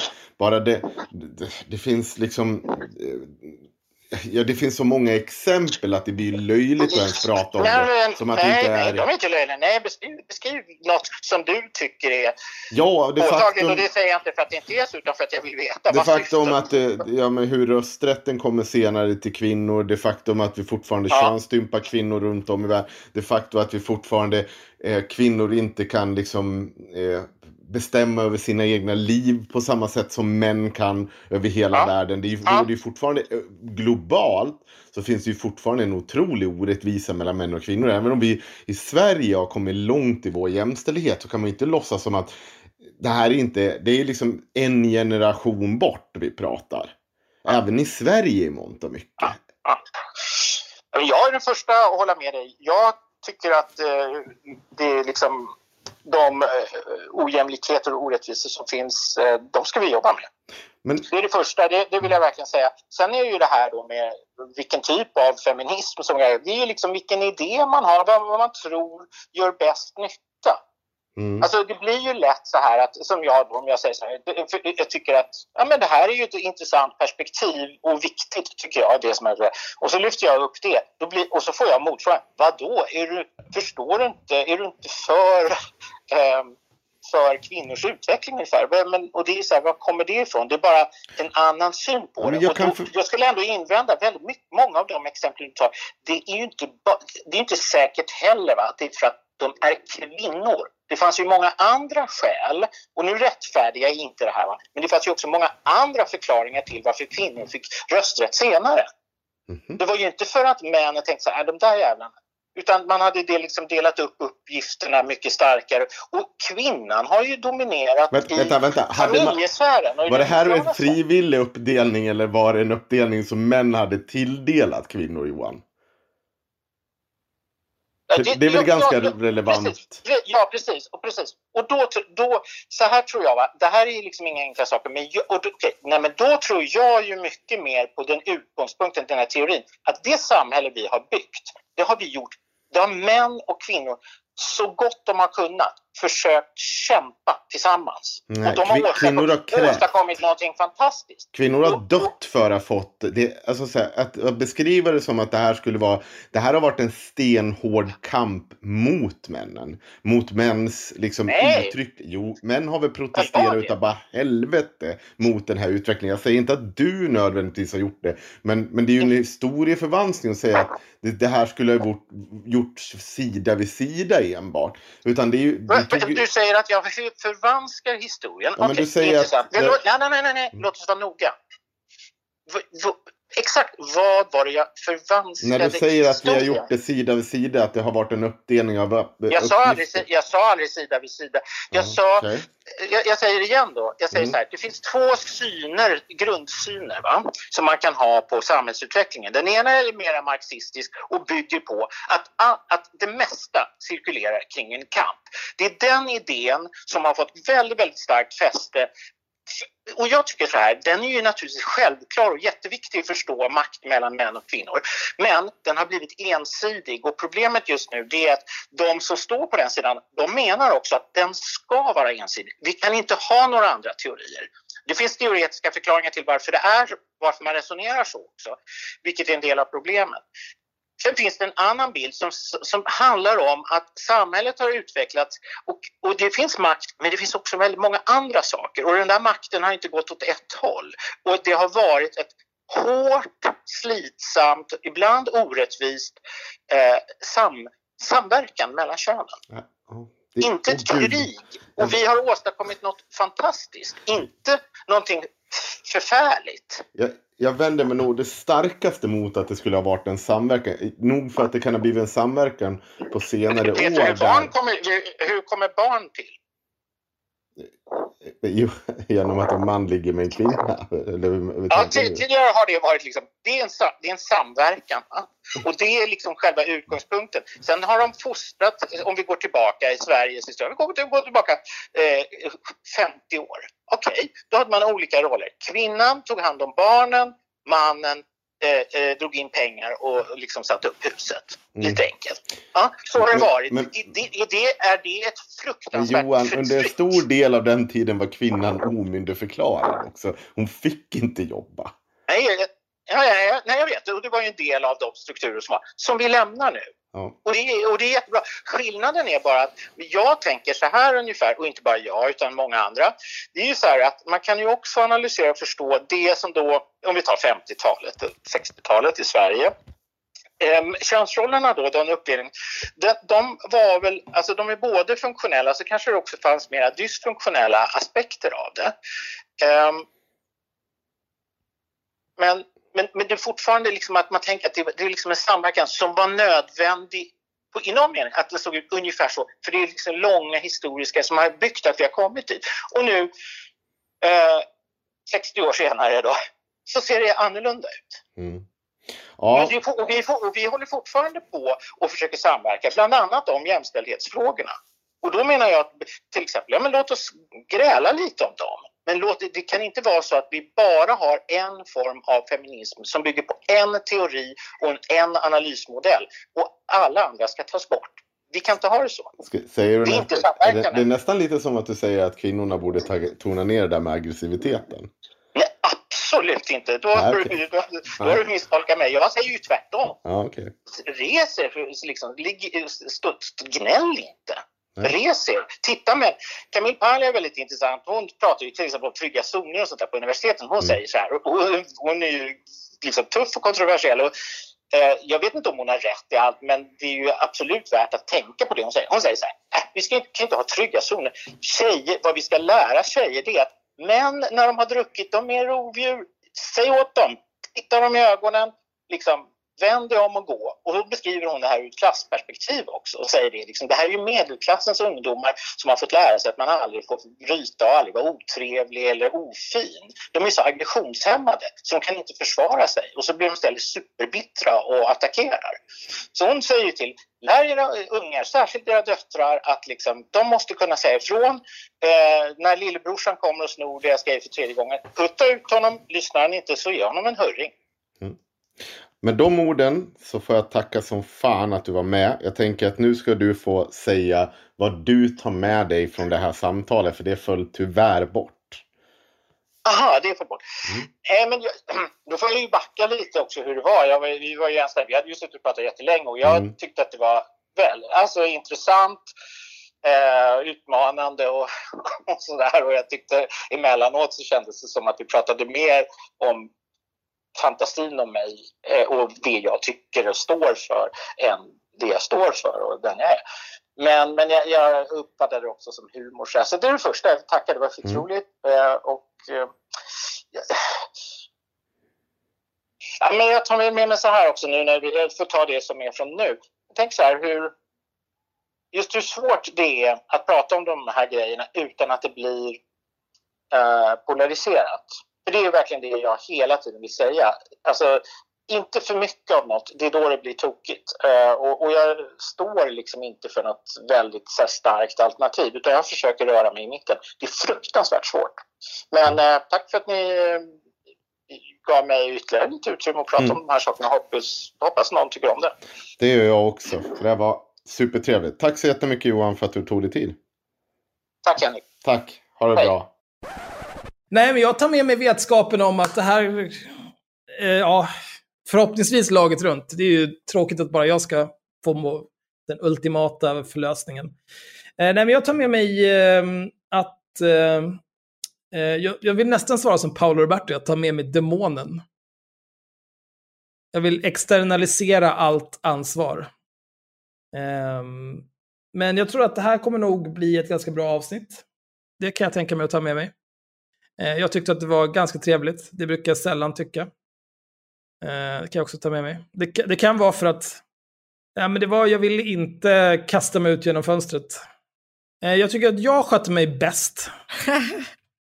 Men jag tycker att du, eh, man man kan säga så här.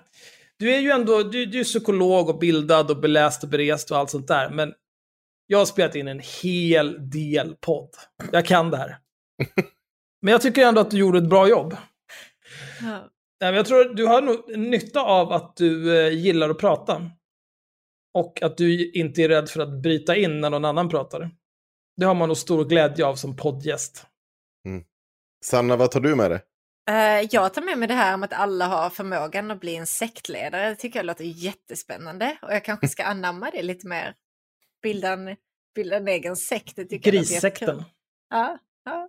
Jag tar med mig så här. Eh, jag tycker att jag fick... Eh, vi har inte gått igenom hälften av frågorna jag har satt upp. Eh, herregud vad mycket frågor jag har satt upp. Men jag har också lyssnat som sagt sex timmar på dig. Eh, och jag känner mig så här att jag tar med mig att helvete var mycket bättre jobb vi gjorde än någon av de andra som har intervjuat dig. Oj. Det gjorde vi. Ja. Och det Jag ska jag berätta varför. För det var Ja. mycket följdfrågor som föll bort i de andra poddarna som jag tycker du kom undan alldeles för lätt. Och jag uppskattar som fan att du sitter kvar, argumenterar för din sak. Jag behöver överhuvudtaget inte hålla med dig och jag tycker ibland för du ett resonemang som är så inkonsekvent så jag funderar på varför inte du har hoppat ut genom rutan. Men du sitter kvar och du står fast vid det och det, det har jag fan så mycket mer respekt för än någon som sitter liksom och vässar på distans och bara tycker saker. Jag tycker att man ska våga stå för det och argumentera för det. Liksom, om man har starka åsikter. Och du har starka åsikter och du röker upp och så argumenterar för det. Så det, det var kul, som fan tyckte jag det var. Med de orden så tackar vi för oss. Tack för att du var med Johan. Tackar, tackar. Tack. Bra, då, då ger vi upp för idag. Puss och kram, hej. Fridens.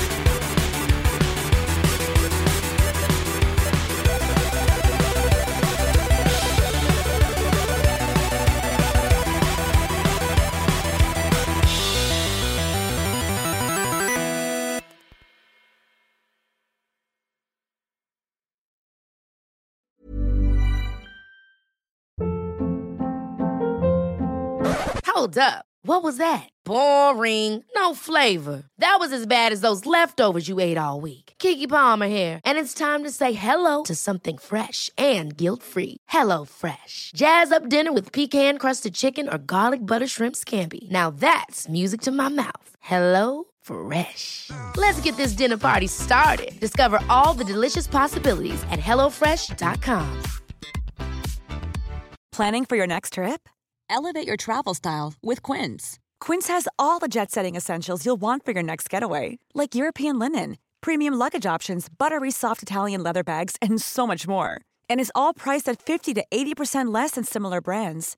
Plus, Quince only works with factories that use safe and ethical manufacturing practices.